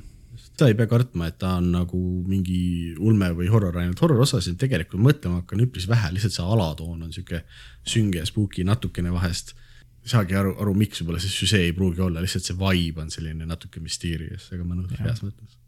Aga nii on, et uh, Inside number nine on hetkel, ma julgen öelda, minu lemmiksari, täiesti kindlasti, ma tean, ma esimesel võimalusel vaatan järgmised hooajad ka ära. Jah, see on, see on täpselt selline, et äh, nagu sa alguses ütlesid, et right up my alley, et see läheb mul üsna kindlasti ka, noh, mul on eraldi filmid, mis ma tahan vaadata ja sarjade mm. list ja see läheb sinna sarjade listi üsna etteotsa. Nice, need listidega on muidugi tihti see, et need on kilomeetreid pikad ma hiljuti tegin nagu suurpuhastust ja mul, mul on nagu, ma tahtsin endale real, rea-, realistlikud eesmärgid sattuda. ma tahtsin endale realistlikud eesmärgid sättida selles osas, et mida ma jaksan ja jõuan ajaliselt ja emotsionaalselt vaadata mm,. okei okay jah, eks, eks tuleb valikuid teha. Aga kes teeb valikuid, siis mina soovitan otsustada Inside number nine'i kasuks. jah, aga mul on ka sulle üks telesari mm. -hmm. telesari nimega Dave. See sari on mõneti, vähemalt esimene hooaeg, sihuke autobiograafiline sari räpparist nimega Little Dicky. aa, väike Richard. jah, just. Ma mäletan, kui ma seda esimest hooaega vaatasin, esimest osa vaatasin, on tegemist on noormehega, sihuke kolmekümnendate alguses äh, täielik sihuke stereotüüpiline juudi päritolu, sihuke väga sihuke nohiklik noormees. ja ta on veendunud, et ta on järgmine Kanye, ta on järgmine räpijumal, onju, et tema mm. saatus on saada kuulsaks. kas see on ja, valge noormees, sorry, ma vahele segan nagu. jaa ja, ta on okay., ta on valgenahaline juut, jah. järgmine Kanye. jah, no nagu räpijumal selles suhtes mm, -hmm. mitte et ta mm. muutub mustanahaliseks ah,. Okay, okay. ja siis äh,. oluline, oluline täpsustus. jah, et äh, päris nagu naljakas on see esimene osa ja ta tundub, et see on mingi komöödiasari, kus on, siis point on põhimõtteliselt igas osas selles, et ta üritab seal läbi lüüa selles räpimaailmas ja kuidagi kukub läbi, on ju, sellepärast et ta on suvaline mingisugune nohik kuskilt, on ju, kes on ainult head elu elanud mm. -hmm. kuni siis esimese osa lõpus ta reaalselt pannakse räppima, freestyle ima, siis tuleb välja, et ta on üliülihea räppar. seejärel ma sain teada, et Little Dicky on mhm. päris isik. et see sari on autobiograafiline Äh, ma ei teadnud enne seda mm., et, et see on, see on see olukord. siis esimene hooaeg räägibki sellest, kuidas, no muidugi see ei ole nagu dokumentaal, see on ikkagi näideldud ja seal on tehtud komöödia ja huvitava story jaoks kindlasti mingeid mööndusi, see ei ole mm. täpselt ta päriselu. aga esimene hooaeg on siis see, kuidas ta üritab siis selles äris läbi lüüa, on ju, kuidas ta seal võib-olla leiab sõpru, kuidas see äh, noh, väike spoiler võib-olla, aga ma ei tea, see on autobiograafiline, lugege Vikist, saate muidu ka teada. lugege raamatut mingi hetk nad selle tõttu, kuna ta on ikkagi sihuke nagu ta, ta eh, kirg on oma muusikat teha, siis eh, selle tõttu ta lõpuks läheb lahku ka oma eh, tüdruksõbrast, pikaajalisest tüdruksõbrast mm., sest et noh, prioriteedid on sellised ja muidugi on, see on kurb ja karm. ja lõpuks ta saab, noh, sarja esimese hooaja lõpuks ta siis on selles olukorras et ta on nüüd saanud endale, tal on kõik võimalused olemas, et nüüd täielikult läbi lüüa, tal on mingeid eh, neid eh, sotsiaalmeedia hitte ja tal on mingid asjad väljas ja teised kuulsamad räpparid on siis juba teda nii-öelda tunnustanud ja öelnud, et jaa, see on kõva mees, teda kuulake mm. ja nii edasi. ja siis nüüd hiljuti tuli teine hooaeg välja. teine hooaeg, ma ei ütleks, et on enam autobiograafiline okay.. sest teine hooaeg on, see on hoopis teine sari see on, see on, see on väga veider, see on kohati sihuke mitte psüühiateelne päris, aga ta on nagu läheb päris eksperimentaalseks ära selles mõttes, mis lugusid nad räägivad, et see on päris huvitav vaadata, sest see tooni muutus on nii teine mm. -hmm. aga sealjuures see teine hooaeg on üli-ülikurb. selles mõttes, et täitsa nagu nukker oli vaadata, kui esimene hooaeg oli tema nagu tõus, tõus, tõus, kuni ta jõudis sellele laineharjale et tal on kõik võimalused nüüd olemas yeah., et see oma siis äh, saatust täide viia või, või oma unistust täita, et, et ta saab uueks räpijumalaks siis teine hooaeg räägib sellest, et kuidas, kuidas selline algav kuulsus ja, ja tööhoolikuks olemine ja kõik sellised asjad mõjuvad su enda psüühikale, su suhetele, sinu sõprade, perega, kõik see stress selle ümber, et ümber, et sa pead hakkama saama sotsiaalmeedias, sa pead muusikat kirjutama, noh, mis sellele tegelasele väidetavalt siis tuleb väga raskelt ja, ja ta on nagu, ta on kohe täitsa nagu melanhoolne ikka mm., kuidas ta kahetseb ikka seda, et ta läks oma tüdruksõbrast äh, lahku, sest ühel hetkel paistis nagu aru saavat, et tema oli see tükk, see üks tükk sellest puslest, miks ta nagu suutis häid lugusid kirjutada, sest see oli see, keda ta üritas. muusa jah, keda ta üritas mm -hmm. nagu oma muusikaga võib-olla naerma ajada ja. et noh, seal, sealjuures Lil Dicky räpparina nii sarjas kui siis ka nii-öelda päriselus. ta ei ole nagu paroodiaräppar ega ma ei tea, nagu komöödiaräppar, aga ta nagu teeb hästi palju nalja oma räppides, sest noh, ta, esiteks ta taust on väga teine. ta on kuskil äärelinnas üles kasvanud, väga liht-, lihtne elu on olnud, tal on üsna rikkad vanemad, heades koolides käinud ja nii edasi. ja millest see nimi tuleb, on sellest, et äh, tal on mingi väga spetsiifiline veider haigus oma peenise peal, mis on. nimega Lil Dicky või? ei, ma isegi neid detaile ei mäleta, aga, aga palju ta, palju ta huumorit on ümber peenise teema ja kuidas tema oma on üsna imelik. aga, aga ta, ta sellegipoolest nagu kõva mees. see kõik kõlab veidralt, aga see kõlab nagu, nagu räpilaul, vaata. aga, aga ta on nagu päriselt hea räppar, te saate Spotify's minna teda kuulama. veider, veider nagu sari, aga kõike seda kuulates ma tahan rõhutada, et see kõik on hästi hea. esimene on sihuke hea kaasa elada talle, et, et sest noh, sa ise tead ja näed, et ta on tegelikult hea, ta on objektiivselt hea ja osav räppar et kuidas ta siis läbi lööb selles äh, nii-öelda maailmas, kuhu ta tegelikult üldse ei kuulu. ja siis see teine hooaeg, kus, äh, kus ta elab nende tagajärgedega põhimõtteliselt, et ta on seal maailmas sisuliselt läbi löönud ja see on, ma ei tea, ma olen, ma olen sihuke melanhooliale kalduv inimene ka, eriti praegu mm. sügisesel ajal, aga minu arust see teine hooaeg oli ikka täitsa nagu kurb oli kohe vaadata, sest kuidagi tavaliselt ikka osad lõpevad sellega, et oh, selle osa keskne mingisugune konflikt ja ta sai sellest üle ja oo, on ju, siis see teises hooajas on nii palju osasid, kus on see osa konflikt ja on halb ja üritatakse selles üles, üle olla. ja see osa lõpeb sellega, et no ei olegi hästi, ongi halvasti, päris elu ongi selline, et, et mõned inimesed on vändad, olukorrad on halvad ja ei olegi sellest alati pääsu. ütleksid, et see on siis realistlik mõneti? no ütleme, ta, ta, ta, ütleme, et ta on temaatiliselt on realistlik, aga nagu ma ütlesin, see teine hooaeg, need osad ja need lood, mis seal räägitakse ja kuidas neid nagu lugusid väljendatakse ja mis temaga juhtub, on nagu super veidrad.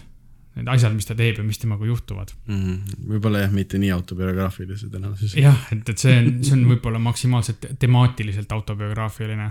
ja noh, hooaja lõpuks siiski ta leiab endas selle ja suudab tõesti äh, selle albumiga hakkama saada ja oma sõprussuhteid natuke parandada, et selles mõttes, et seal on nagu sihuke teatavat tüüpi happy ending ikkagi mm., aga. aga mõneti ainult. jah, ja ma ei tea, see, see melanhoolne pool minust, see oli isegi natuke pettunud, et see hästi lõppes, mulle oleks meeldinud, kui nad oleks võtnud selle noa ja mis sellega juba pussitati, vaata siis wow. keeranud seda veel, et aga ongi halb, alati ei lähe hästi lõpuks.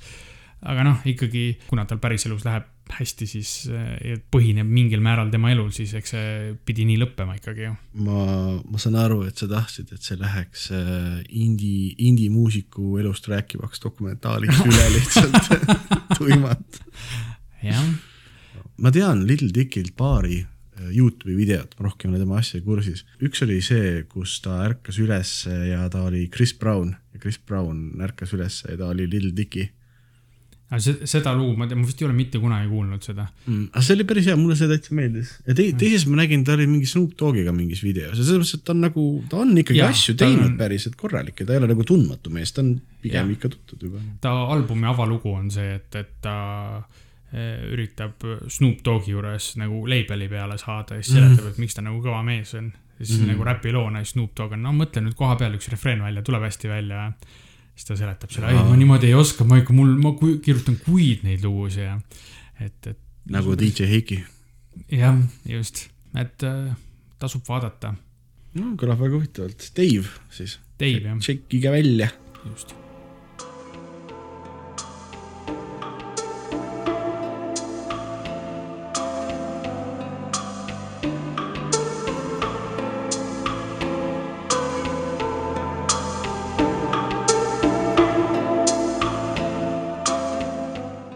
sel nädalal linastub maailmalõpu kinos Disney Jungle Cruise peaosas meie kõigi lemmikud Wayne The Rock Johnsoniga.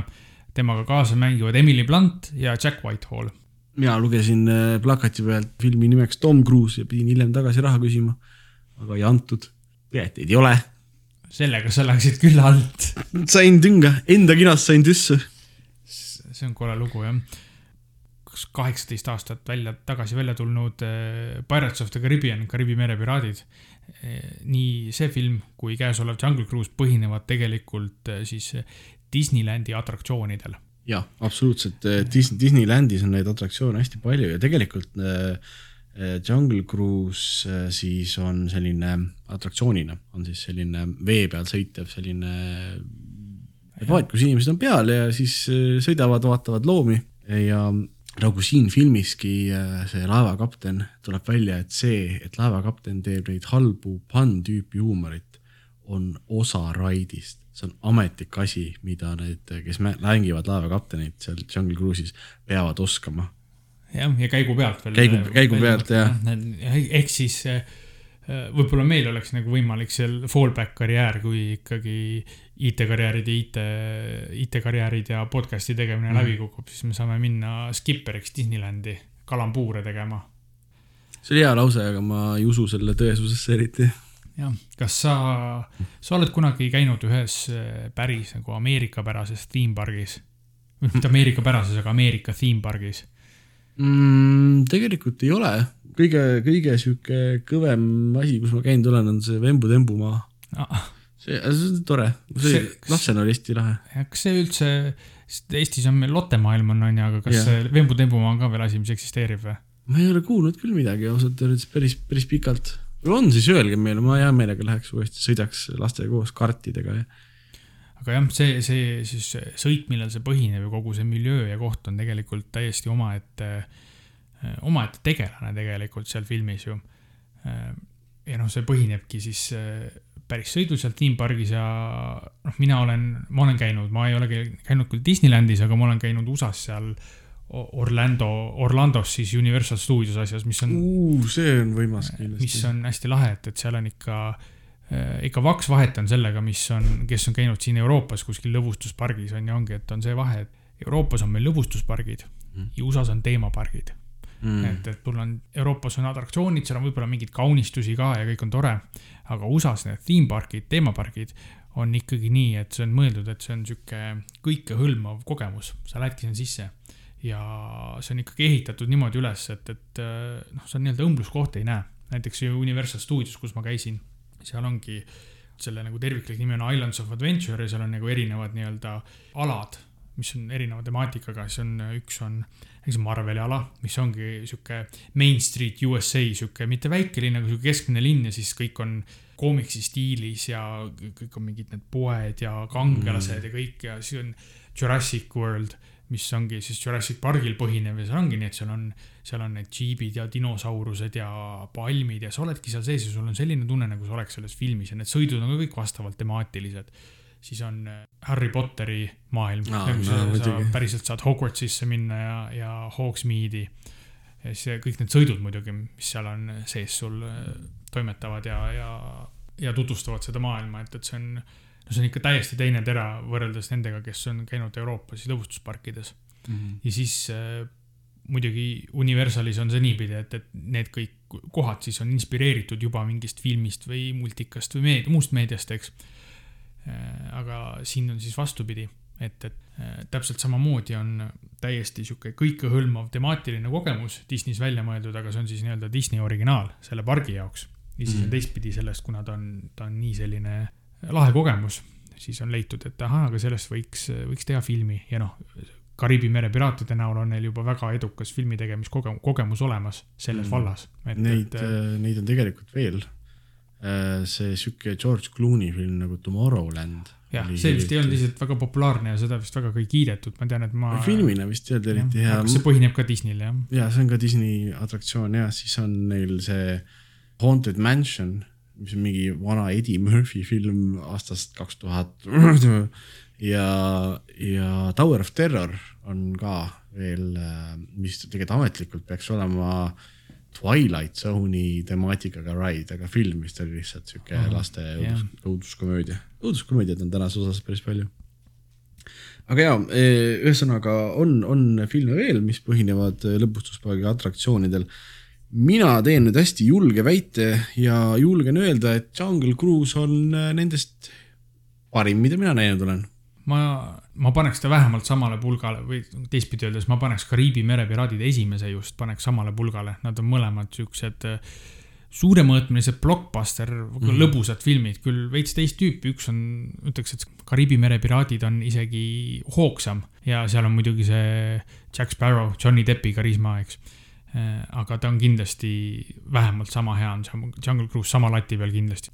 Äh, ma arvan, miks ma, miks mina paneksin Jungle Cruise'i äh, esikohale nende Kariibi mere piraatidega võrreldes, on võib-olla lihtsalt see, et mulle hirmsasti meeldib äh, Dwayne The Rock Johnson. Yeah.. Vana, vana Kivi Johnson ise. aga kui me nüüd räägime siis äh, võib-olla filmi sisust natukene, toimub asi kuskil seal tuhat üheksasada kümme pluss paar aastat. kümme, kakskümmend seal vahemikus, esimese maailmasõja paiku. jah äh,, hakkab pihta Londonis ja film hakkab pihta Londoni Teaduste Akadeemias, kus äh, Eger MacGregor ehk siis äh, tegelikult äh, tegelane MacGregor äh, Houghton tutvustab äh, oma õe teadustööd, mis põhineb siis mingil müstilisel ama, Amazoni, Amazonase jõe kaldal äh, leiduva lille võluvõimetel vist või midagi sarnast. maagilistel, maagilistel võluvõimetel äh, põhineb see teadustöö ning äh, miks see mees siis seda tutvustab, ehk siis vend, äh, on see, et naisi ei võeta tõsiselt see on üks natukene läbivaid teema siin, siin filmis võib-olla, et no, ajast, ajastud, ajad olid sellised, eks. mitte, et see tänapäeval ka tihtipeale probleemiks ei ole, aga siis ikkagi no väga teravalt, eks, kahekümnenda sajandi algul mm. -hmm ning McGregori õde Lili siis, kes on paarist see pädevam, ma julgen öelda ka tugevam, targem ja see teadlase pool rohkem. ütleme nii, et ta on, ta on sihuke, ta on seiklusteadlane. seiklus, seiklusteadlane, imeline see äh,, imeline nimetus. ütleme natukene Indiana Jonesi sugemetega mm.. aga erinevalt Indiana Jonesist kannab pükse e, ning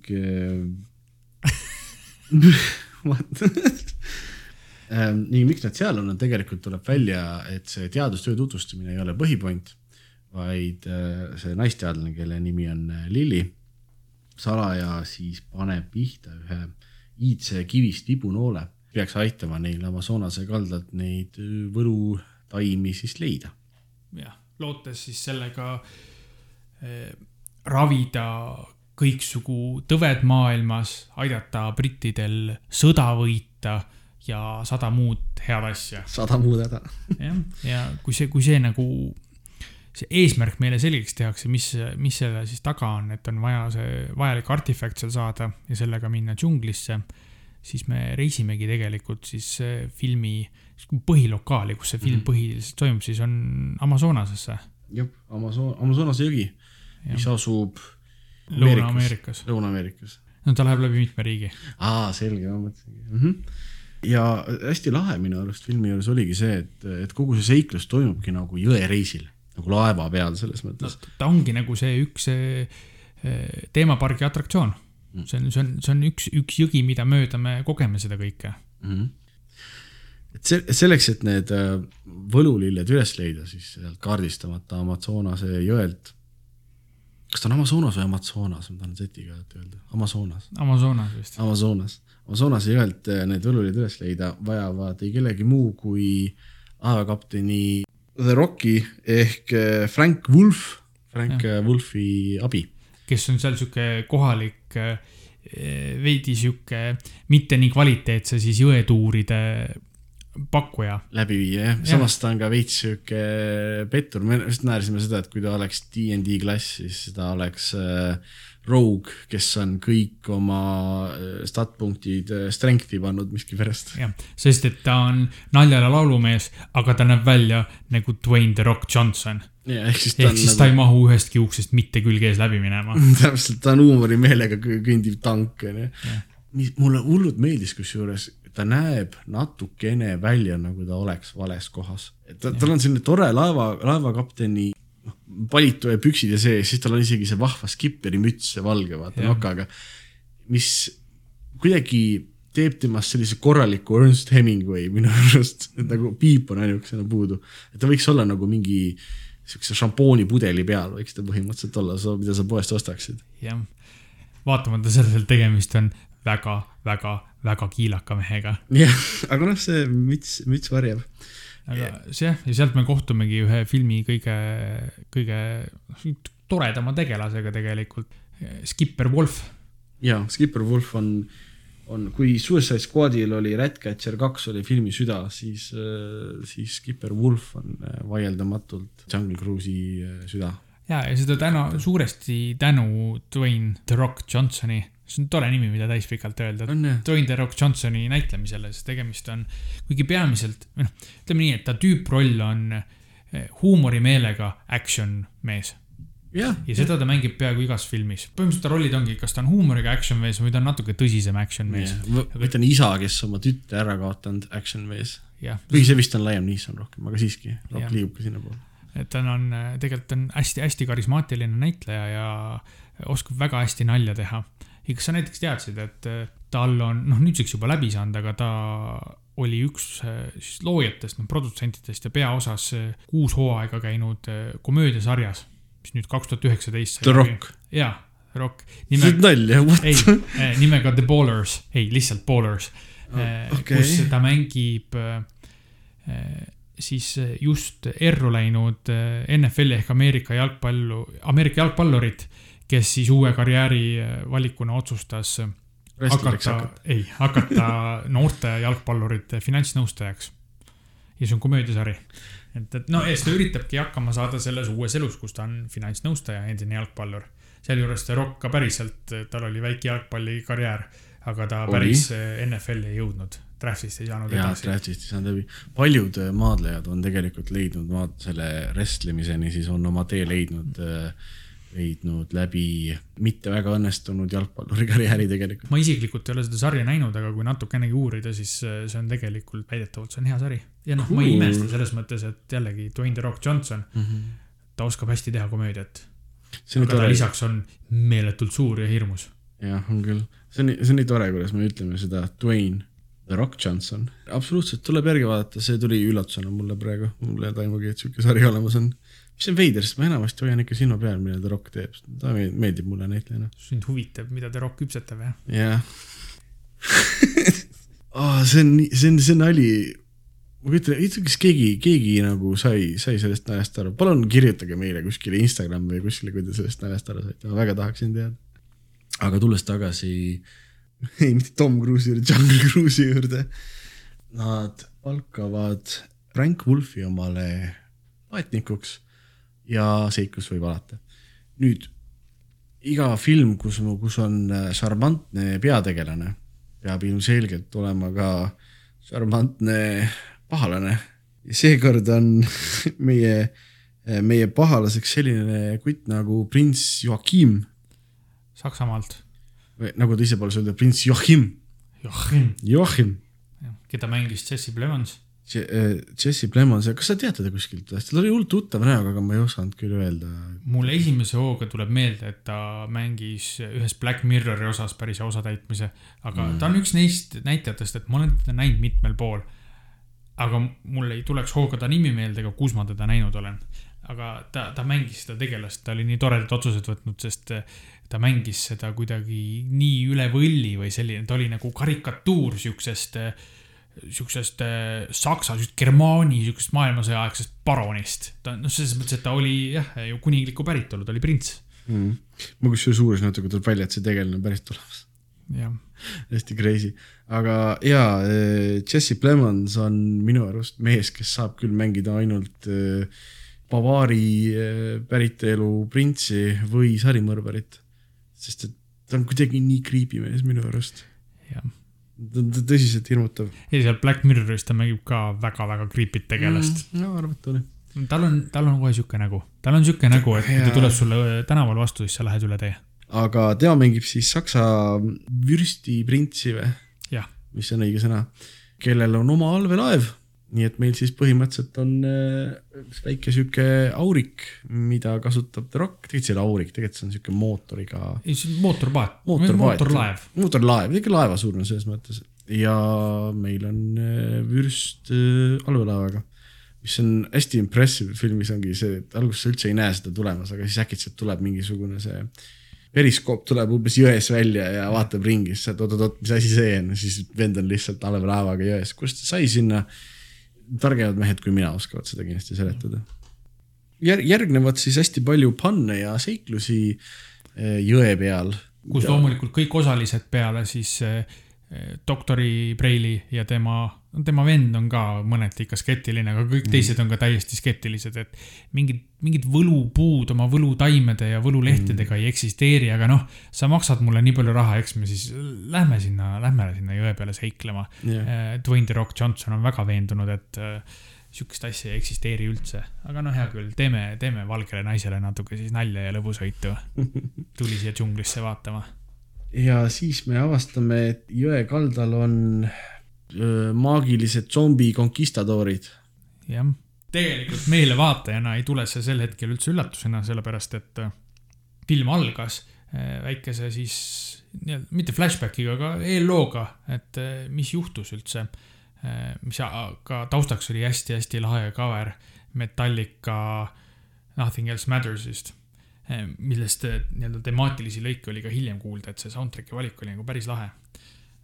Ja me saime teada, et omal ajal tulidki konkistadoorid tulid sinna eh, otsima sedasama puud eh, ja leidsid selle.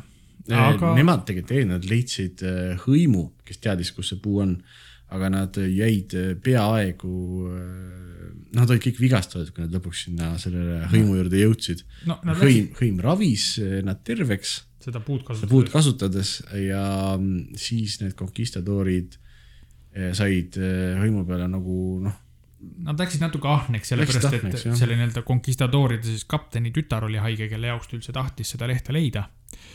ja kuna nad seal läksid, läksid vägivaldseks ära, siis neile pandi, pandi peale needus. needus. et nad ei saa kunagi minna kaug-, põhimõtteliselt nad ei saa minna kaugemale Amazonase jõest, nad peavad alati seda jõge nägema.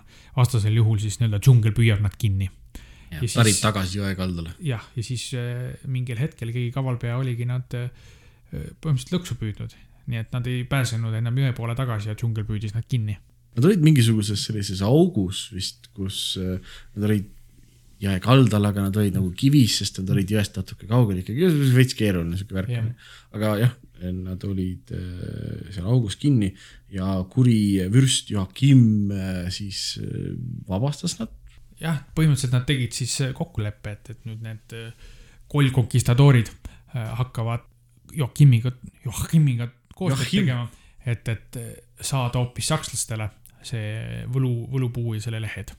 Mm.. mulle meeldis hästi see, et need nii-öelda kollkonkistadorid ei olnud siuksed nagu õudusfilmi kollid, aga Disney teemapargile kohaselt nad olid sihuke, ütleme, kuuskümmend protsenti siuksed vaevlevad hinged ja nelikümmend protsenti puhas komöödia. jep, olid küll, üks neist oli vist mingi meest tehtud ja mesilastest poolel. ja meekärgedest jah, teine, teine koosnes madudest, see ei olnud nii lõbus. see võib-olla ei ole nii fun jah, sihuke võime Äh, aga ilus vaadata, efektid olid ja. tasemel nagu ikka, budget filmil ilmselt oli päris hea.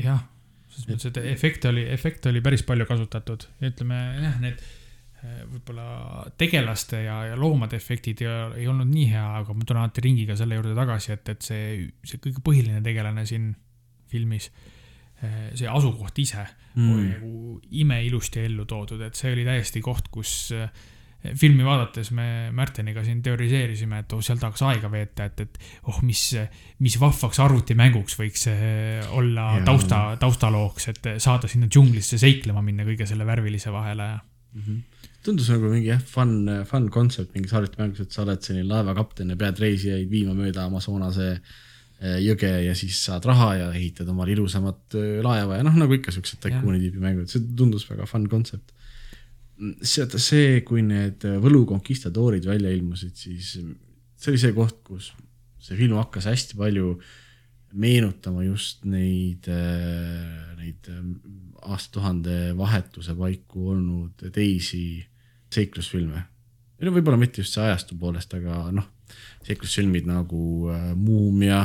mina ütleks, et teine film, kust hästi palju on kindlasti saanud inspiratsiooni, on äh, tegelikult Indiana Jones seal on sarnane sihuke see seiklusmeelsus, kus minnakse müstilistesse kohtadesse mm.. lõbus seiklus. jah, ikkagi nagu lõbus seiklus. Äh, mängus on sakslased mm, -hmm. küll -hmm. kuna tegemist on esimese maailmasõjaga, siis nad ei ole veel natsid. Ja selles mõttes. kas nad sakslased on üldse juba? jah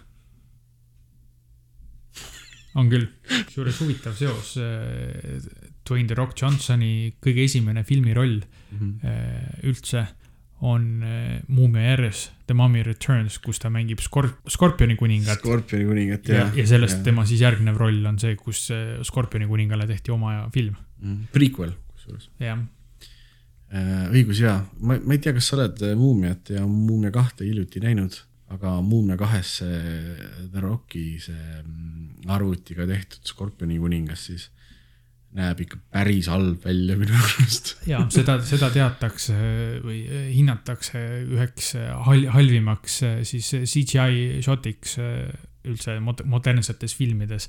ja noh, seal oli mitu probleemi, et, et oli just see aeg, kui hakati uusi ägedaid arvutiga tehtud nagu tehnoloogiaid kasutama mm. -hmm. ja seal tehti siis konkreetne commitment kasutada mingit väga spetsiifilist uut tehnoloogiat. noh, facial capture'it, et nad, näitlejad filmivad päriselt tegemas detailselt neid näoliigutusi ja selle peale nagu tehakse animatsioon. noh, nagu tänapäeval tehaksegi, mitte keegi käsitsi ei läinud ja ei animeerinud tema yeah, liigutusi yeah, yeah aga see, see tehnoloogia kõik oli veel ülitoores. ja, ja sellel hetkel, kui nad juba aru said, et see ikka väga hästi ei tööta, oli juba natuke hilja, sest et no,. Ups, film oli valmis. jah, et siis, siis tuli teha parim sellega, mis nagu sai teha ja, ja noh, nii ta läks no lahe, seda ma ei, ma ei teadnudki, et see tehnoloogia taha asi jäi, ma arvasin, et Rock oli siis veel nii puine näitleja, et ta ei, väga ei tulnud välja.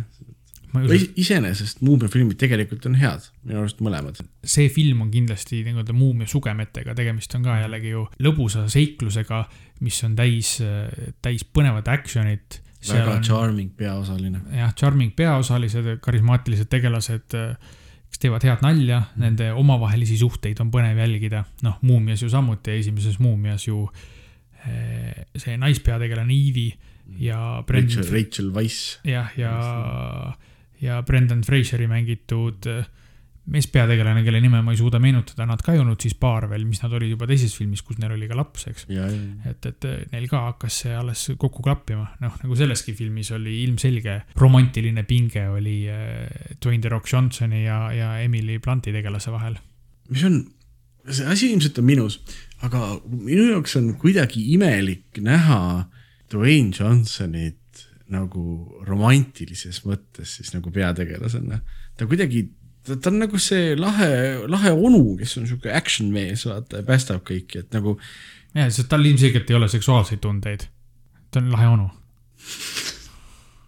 sa saad aru küll, mida ma mõtlen. ma ei äh,, lihtsalt, et äh, ma pole harjunud võib-olla sellega, et äh, sest ega ma ei tea, et üheski teises filmis oleks, ma ei ole muidugi kõiki Rocki filme vaadanud mm. -hmm. Aga jah, ega ma väga ei tea, et üheski teises filmis oleks äh, selli-, sellise suunitlusega rolle tal olnud, ta on tavaliselt nagu üsna lihtne huumorimeelega action ninamees no,. ja, ja sellega nagu piirab. laadakakleja. aga jaa, see natuke, natuke oli veider jah, selles mõttes, kuigi mitte, mitte nagu veider vaadata, aga lihtsalt imelik, ma korra mõtlesin selle peale, mõtlesin, ah, polegi vist näinud äh, Rocki mu musitamas kedagi enne niimoodi. Ma ei tea, kas nad üldse filmi ajal üldse suudlesid või midagi sellist tegid, aga lihtsalt veider oli näha teda selles rollis, et ta oli see natukene sihuke awkward poisilik. Noh, nagu ikka, kui on äh, värske suhe ja sa alles kompad, et kas, kas siin on midagi või, või mis siit tulla võib, et väga naljakas on seda meeletu suurt ja enesekindlat meest selles rollis näha. jah, värske suhe, siis ega muud tihtipeale ei olegi, kui ainult kompad Äh, aitäh, ma olen ka järgmine nädal siin. teeme võib-olla pisikese hüppe kuskile plotti tagasi hetkeks. palju me, palju me tahame ära rääkida vaatajatele seda lõppu? mitte väga palju tegelikult. no lõppkokkuvõttes tegemist on jällegi äh, kogu pere Disney filmiga, nii et. Aga ta ei ole mis, nagu loll ega juustune ega sihuke lastefilm. Seda ta... mitte, ta on sobilik lastele ja täiskasvanutele mm, -hmm. aga kõigil on seal midagi. aga see lõpp on äh, täpselt see, mis sa ootad, et see lõpp on halbadel tegelastel läheb halvasti mm, -hmm. headel tegelastel läheb hästi, nendel tegelastel, kellel on seis. keskpärane läheb keskpäraselt. jah, ega neil ka palju paremaks ei lähe. tegelasi tegelikult on üllatavalt vähe seal filmis, kui aus olla. jah. Või nagu. ta on, ta on selles mõttes on ka jällegi nagu üsna, üsna kompaktne. jah, ta on tõesti kompaktne, et ei ole nagu palju jälgida, aga samas tal on täpselt piisav kogus nagu sisu ka, et ta ei lähe kordagi igavaks just, ja noh, see lõpp ongi, et need viimased lõpu, need pingelised action stseenid ja, ja kuidas nende tegelaste suhted seal lõpuks omavahel paika loksuvad, et vaatamata sellele, et sa tegelikult tead, et kõik läheb hästi, siis lõpuni välja oli ikkagi nagu tegelikult oli pinge sees mm, -hmm. sest seal oli mingeid nüansse, kus sa mõtlesid, kuidas nad selle ikkagi lahendavad ja nii ikka. natuke huvitav ja, et oli see, et filmi sisust tulenevalt sa ei teadnud, et sa tead, et see kindlasti on õnnelik lõpp, eks ju aga sa ei teadnud, mis tegelastele see õnnelik lõpp on. kellele või kuidas. kellele või kuidas, et sa vabalt oleks võinud nagu minna teistpidi. ma korra mõtlesin juba, et läheb ka. sest eh, me nagu lõpus kindlasti elasime väga spetsiifiliselt ühele tegelasele kaasa, lootes, et palun tehke nii, et temal läheb hästi. et, et kui tal ei lähe hästi, siis on ikkagi pettumus peal, kuigi me teame, et teistel temaatiliselt tähtsat tegelastel läheb nii või naa hästi, et mm, -hmm. et tegelikult seal on, mida kaasa elada kuidagi igav küll ei olnud selles mõttes, see oli tore. film ise on mingi kaks tundi vist umbes pikk. kaks tundi pikk jah. täitis nagu selle aja kenasti ära e,. loomategelased filmis mm. olid päris lahedad tegelikult, siuksed natuke iseloomuga. See oli, noh, see on jällegi nagu live action Disney animatsioon on ju, et, et tegelikult need loomad olid ka täitsa iseloomuga tegelased. või see, eks see loom oli nagu see, noh, ma ei tea, eks see tuleb ka sellest, et kui sa vaatad 4K-s äh, neid filme ja asju mm., siis, siis sa hakkad natuke neid õmbluskohti nägema, aga minu arust äh, loomad olid see, kus kõige rohkem hakkas silma, et tegemist on ilmselgelt äh, CGI loomaga. on, sa saad, inimese silm siiski tunneb ära selle, kui midagi ei ole nagu päriselt ja, olemas. just ongi see, et in, inimese silm on nii harjunud, noh sa kasutad oma silma igapäevaselt ja sa tead, mis on päris maailm. nii et. ära eelda mu kohta asju. et isegi kui sa ei isegi kui sa ei oska nagu konkreetselt öelda, et mis selle asja juures on valesti või mis see sulle nagu tekitab kahtluse, et see ei ole päris, siis su aju saab aru, et midagi on seal valesti, midagi on teistmoodi mm.. see on see, mis ta on, see uncanny valley öeldakse selle kohta. et nagu see on reaalsusele väga, väga, väga, väga sarnane, peaaegu reaalsus aga su silm saab aru, et see ei ole päriselt seal ja see teeb ja. natukene siukseks creepy'ks, mitte siin filmis selles mõttes, siin ta ei teinud creepy'ks kuidagi seda, aga sa said, sa said aru. sa lihtsalt saad aru, et see nagu ja. oli ikkagi selles mõttes, et on täiesti võimalik teha ka tegelikult fotorealistlikke loomi, kus sa eh, tegelikult ei saa aru. noh, näiteks, eh, mul tuleb kohe meelde, on see Life of Pi, kus tal oli see tiiger Ah, siis see tiiger ei olnud päris ja kõik need uued Planet of the Apes filmid, vaata, kus eh, mitte ükski ahv ega loom seal ei olnud päris. ja noh, ma näen su silmadest praegu, et sa ei teadnud seda, sest sa ei, sa ei näe seda asja ära. ja eks see tulebki lõpuks sellele, et kuhu alla sa seda raha ja aega paned. et seda on kõike võimalik teha, lihtsalt nad otsustasid, et see, need loomad seal parajasti, kes seal on, ei, ei nagu ei ole piisavalt tähtsad mm midagi hullu ka samas ei olnud. ei, kindlasti halb ei olnud, lihtsalt kui midagi negatiivset välja tuua, siis äh, Äh, jah. Rääki, rääkides kähku võib-olla sellest äh, CGI asjast veel, üks asi, mida minu silm pidevalt ära tunneb, kui see reaalne ei ole, on arvutiga tehtud äh, veri õudusfilmides ja eriti zombifilmides. siis ma tihtipeale pettun kõvasti, kui film ise on täitsa hea, siis äkitselt midagi juhtub ja lendab seda CGI ehk arvutiga tehtud verd, siis ma sest tihtipeale seal kasutatakse alati seda nii-öelda noh, kui muusikamaailma sõna kasutades sedasama nagu sample'it.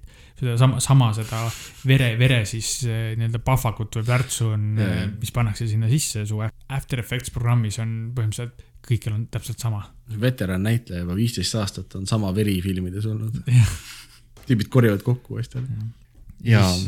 üks tegelane, kes minu arust oli nagu üsna, üsna ebavajalik tegelikult oli see siis naist peategelase Emily äh,, Emily vend, keda mängis Jack Whitehall, kes iseenesest on väga hea koomik minu arust. kes tahab tema asju näha, on, tal on sihuke vahva sari nagu Travels with my father, sest on neli hooaega, kus ta iga hooaeg läheb isaga äh, no Briti päritolu noormees mm. läheb isaga reisile, näiteks äh, äh esimeses hooajas nad läksid Aasiasse, aga sealjuures tema isa on selline stereotüüpiline, traditsiooniline äh, teeaeg on kell kaksteist ja kell viis, sihuke Briti härrasmees. ja siis, ja siis äh, Jack viib oma isa mujale maailma kultuuri kogema.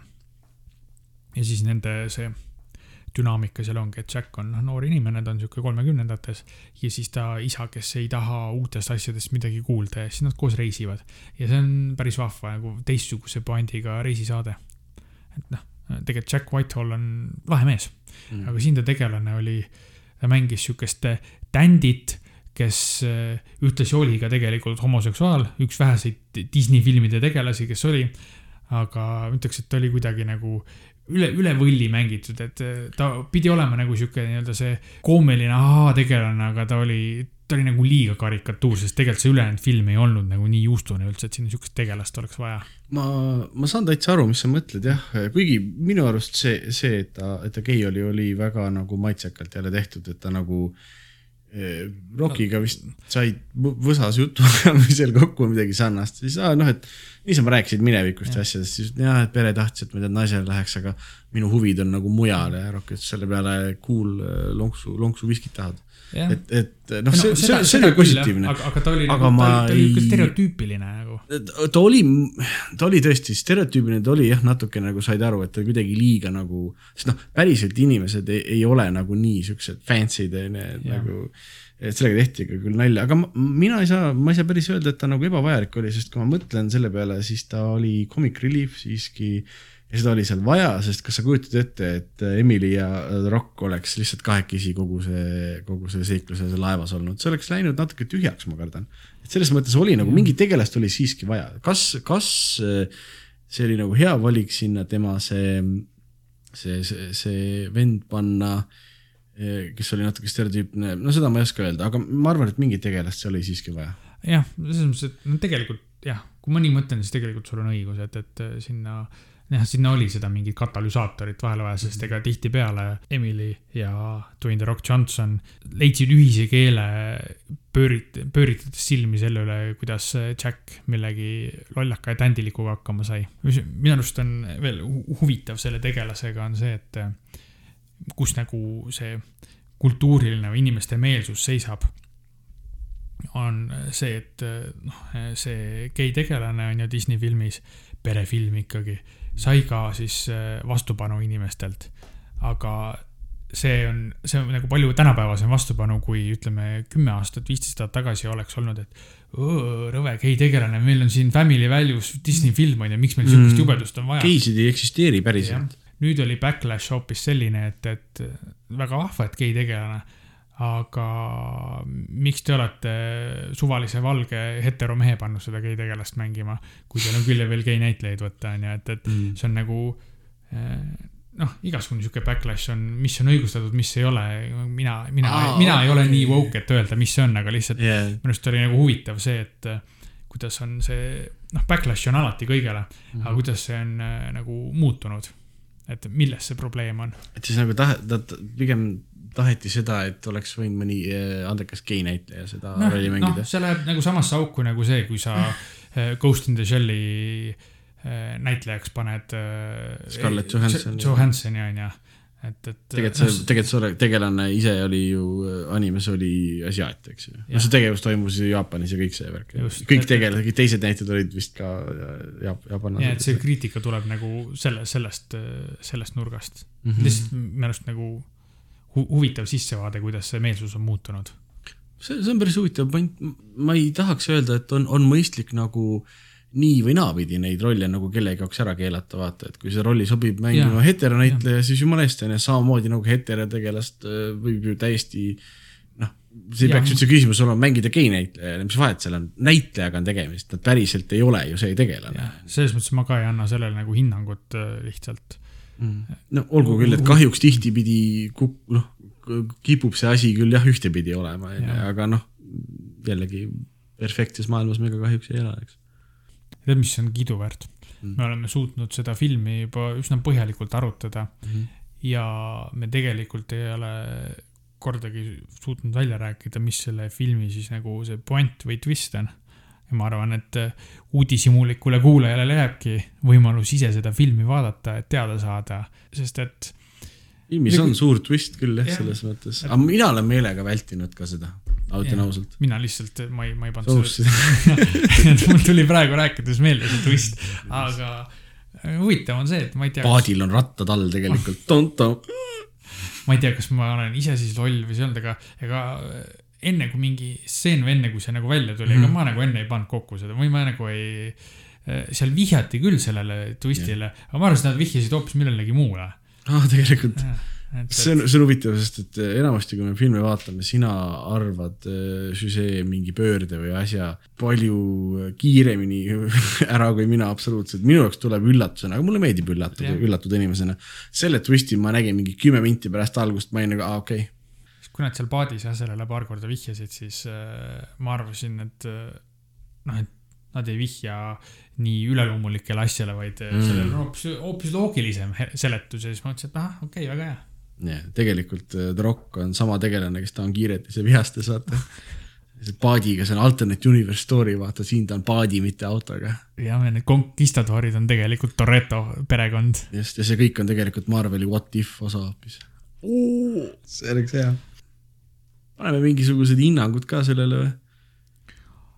tahaks hinnata küll asju, mulle meeldib asjadele label'eid ja hinnanguid panna, ma olen siuke inimene.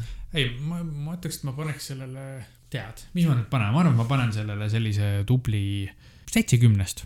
seitsekümnest? seitsekümnest, see ei ole mitte midagi väga originaalset, mitte midagi äh, innovaatilist, küll aga see oli lõbus, seal oli hea action ja, ja mulle meeldis lihtsalt seal filmis nii-öelda sees olla, mulle, mulle meeldis see ilus loodus seal ja, ja, ja kõik see miljöö. see oli mõnus, see oli mõnus kaks tundi vii-, veeta Amazonases, ilma et ma oleks pidanud higistama ja seal niiskuses olema. seal on vist üpris niiske, onju. väga. uh, ja ma kunagi sinna ei kavatse minna.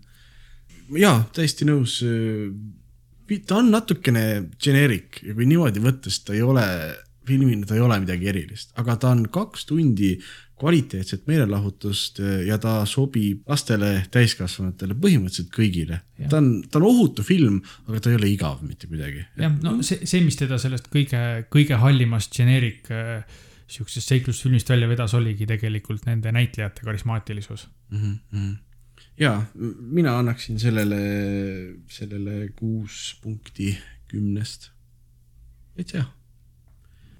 Fun fact, selle tehakse järg. ja see vist confirm iti just hiljuti ära, et kohe. sellest tuleb järg jah. ma ei ole vaadanud, kas see tõi box office'is kõvasti sisse, aga see pidi ikkagi olema, kui nad nii kähku nagu järjepunkti panid, siis nüüd muidugi pandeemia ajal on äh, need, mis on, loetakse box office'i success'iks, on väga teistsugused numbrid, kui see oli kaks aastat tagasi, eks. jaa, kas see oli vist see Teneti ja. hea näide oli see, Teneti kolmsada mingi kaheksakümmend miljonit, mis ta teenis. väidetavalt oli flop, on ju. läbikukkumine aga... ja nüüd, nüüd on see nagu väga sihuke äh, suuremeelne eesmärk. muljetavaldav lausa, jah. no vot, tõsi ta on, et pandeemia meid muudab. nii et äh, Jungle Cruise, vaadake, täitsa hea pigem vaadake jah. Et, et tuleviku Märten meiega jälle pahandama ei hakkaks, siis peaks. seda ei saa garanteerida, et tuleviku Märten tegutseb oma enda reeglite järgi. meie kontrollida ei saa, aga me saame, äkki saame mõjutada, et, et, et oleks. võtab altkäemaksu ja. et ta oleks äkki eh, natuke leebem meie suhtes, siis peaks kuulajatele ka ütlema, et kui neil on tagasisidet, ettepanekuid, kaebusid siis võib meile kirjutada maailmalopukinu at gmail.com kes tahab äh, jälgida postitusi, äh, mida me järgmisena vaatame uus osa on välja tulnud, siis äh, leiate meid Instagramist, at maailmalõpu kino podcast, follow ige. Ja kõigil neil platvormidel võite meile saata sõnumeid pool nimetatud tagasiside, kaebuste või ettepanekutega. kiri-, kirjutage meile kindlasti igasuguse tagasiside ja asjadega ja soovitustega filmideks näiteks. meile, meile meeldib suhelda ja meile meeldivad uued sõbrad, nii et äh, saage meie sõpradeks. jah, ja rääkige oma sõpradele, siis me saame veel rohkem sõpru endale. tõsi jah, kui teile meie, meie mula siin meeldib, siis äh, jagage, jagage, jagage sõpradega ka, see aitab meile ka kaasa, nii et me saame uusi ideid, mis meil on, võib-olla varsti rakendada siin expand ida natukene asjadesse, aga noh, seda siis, kui aeg küps. jah, ja oodatud on muidugi ka huvitavad küsimused või mingid arutelu ettepanekud. saame eetris, eetris siin äh, käsile võtta neid asju. aga pange lihtsaid küsimusi, sest me oleme üsna küündimatud ja kui seal on midagi keerulist või filosoofilist, siis äh, see tõenäoliselt ei lähe arutluse alla. esimene kord elus, kui keegi mulle ütleb, et ma olen küündimatu Vau, mis peened, peened äh solvangud siin no loodame, et see jääb viimaseks siis. jah, aga äh, meie poolt kõik, te kuulasite Maailma Lõpu kino teist osa, mina olin Märten. ja mina olin Oliver. ja kohtume peagi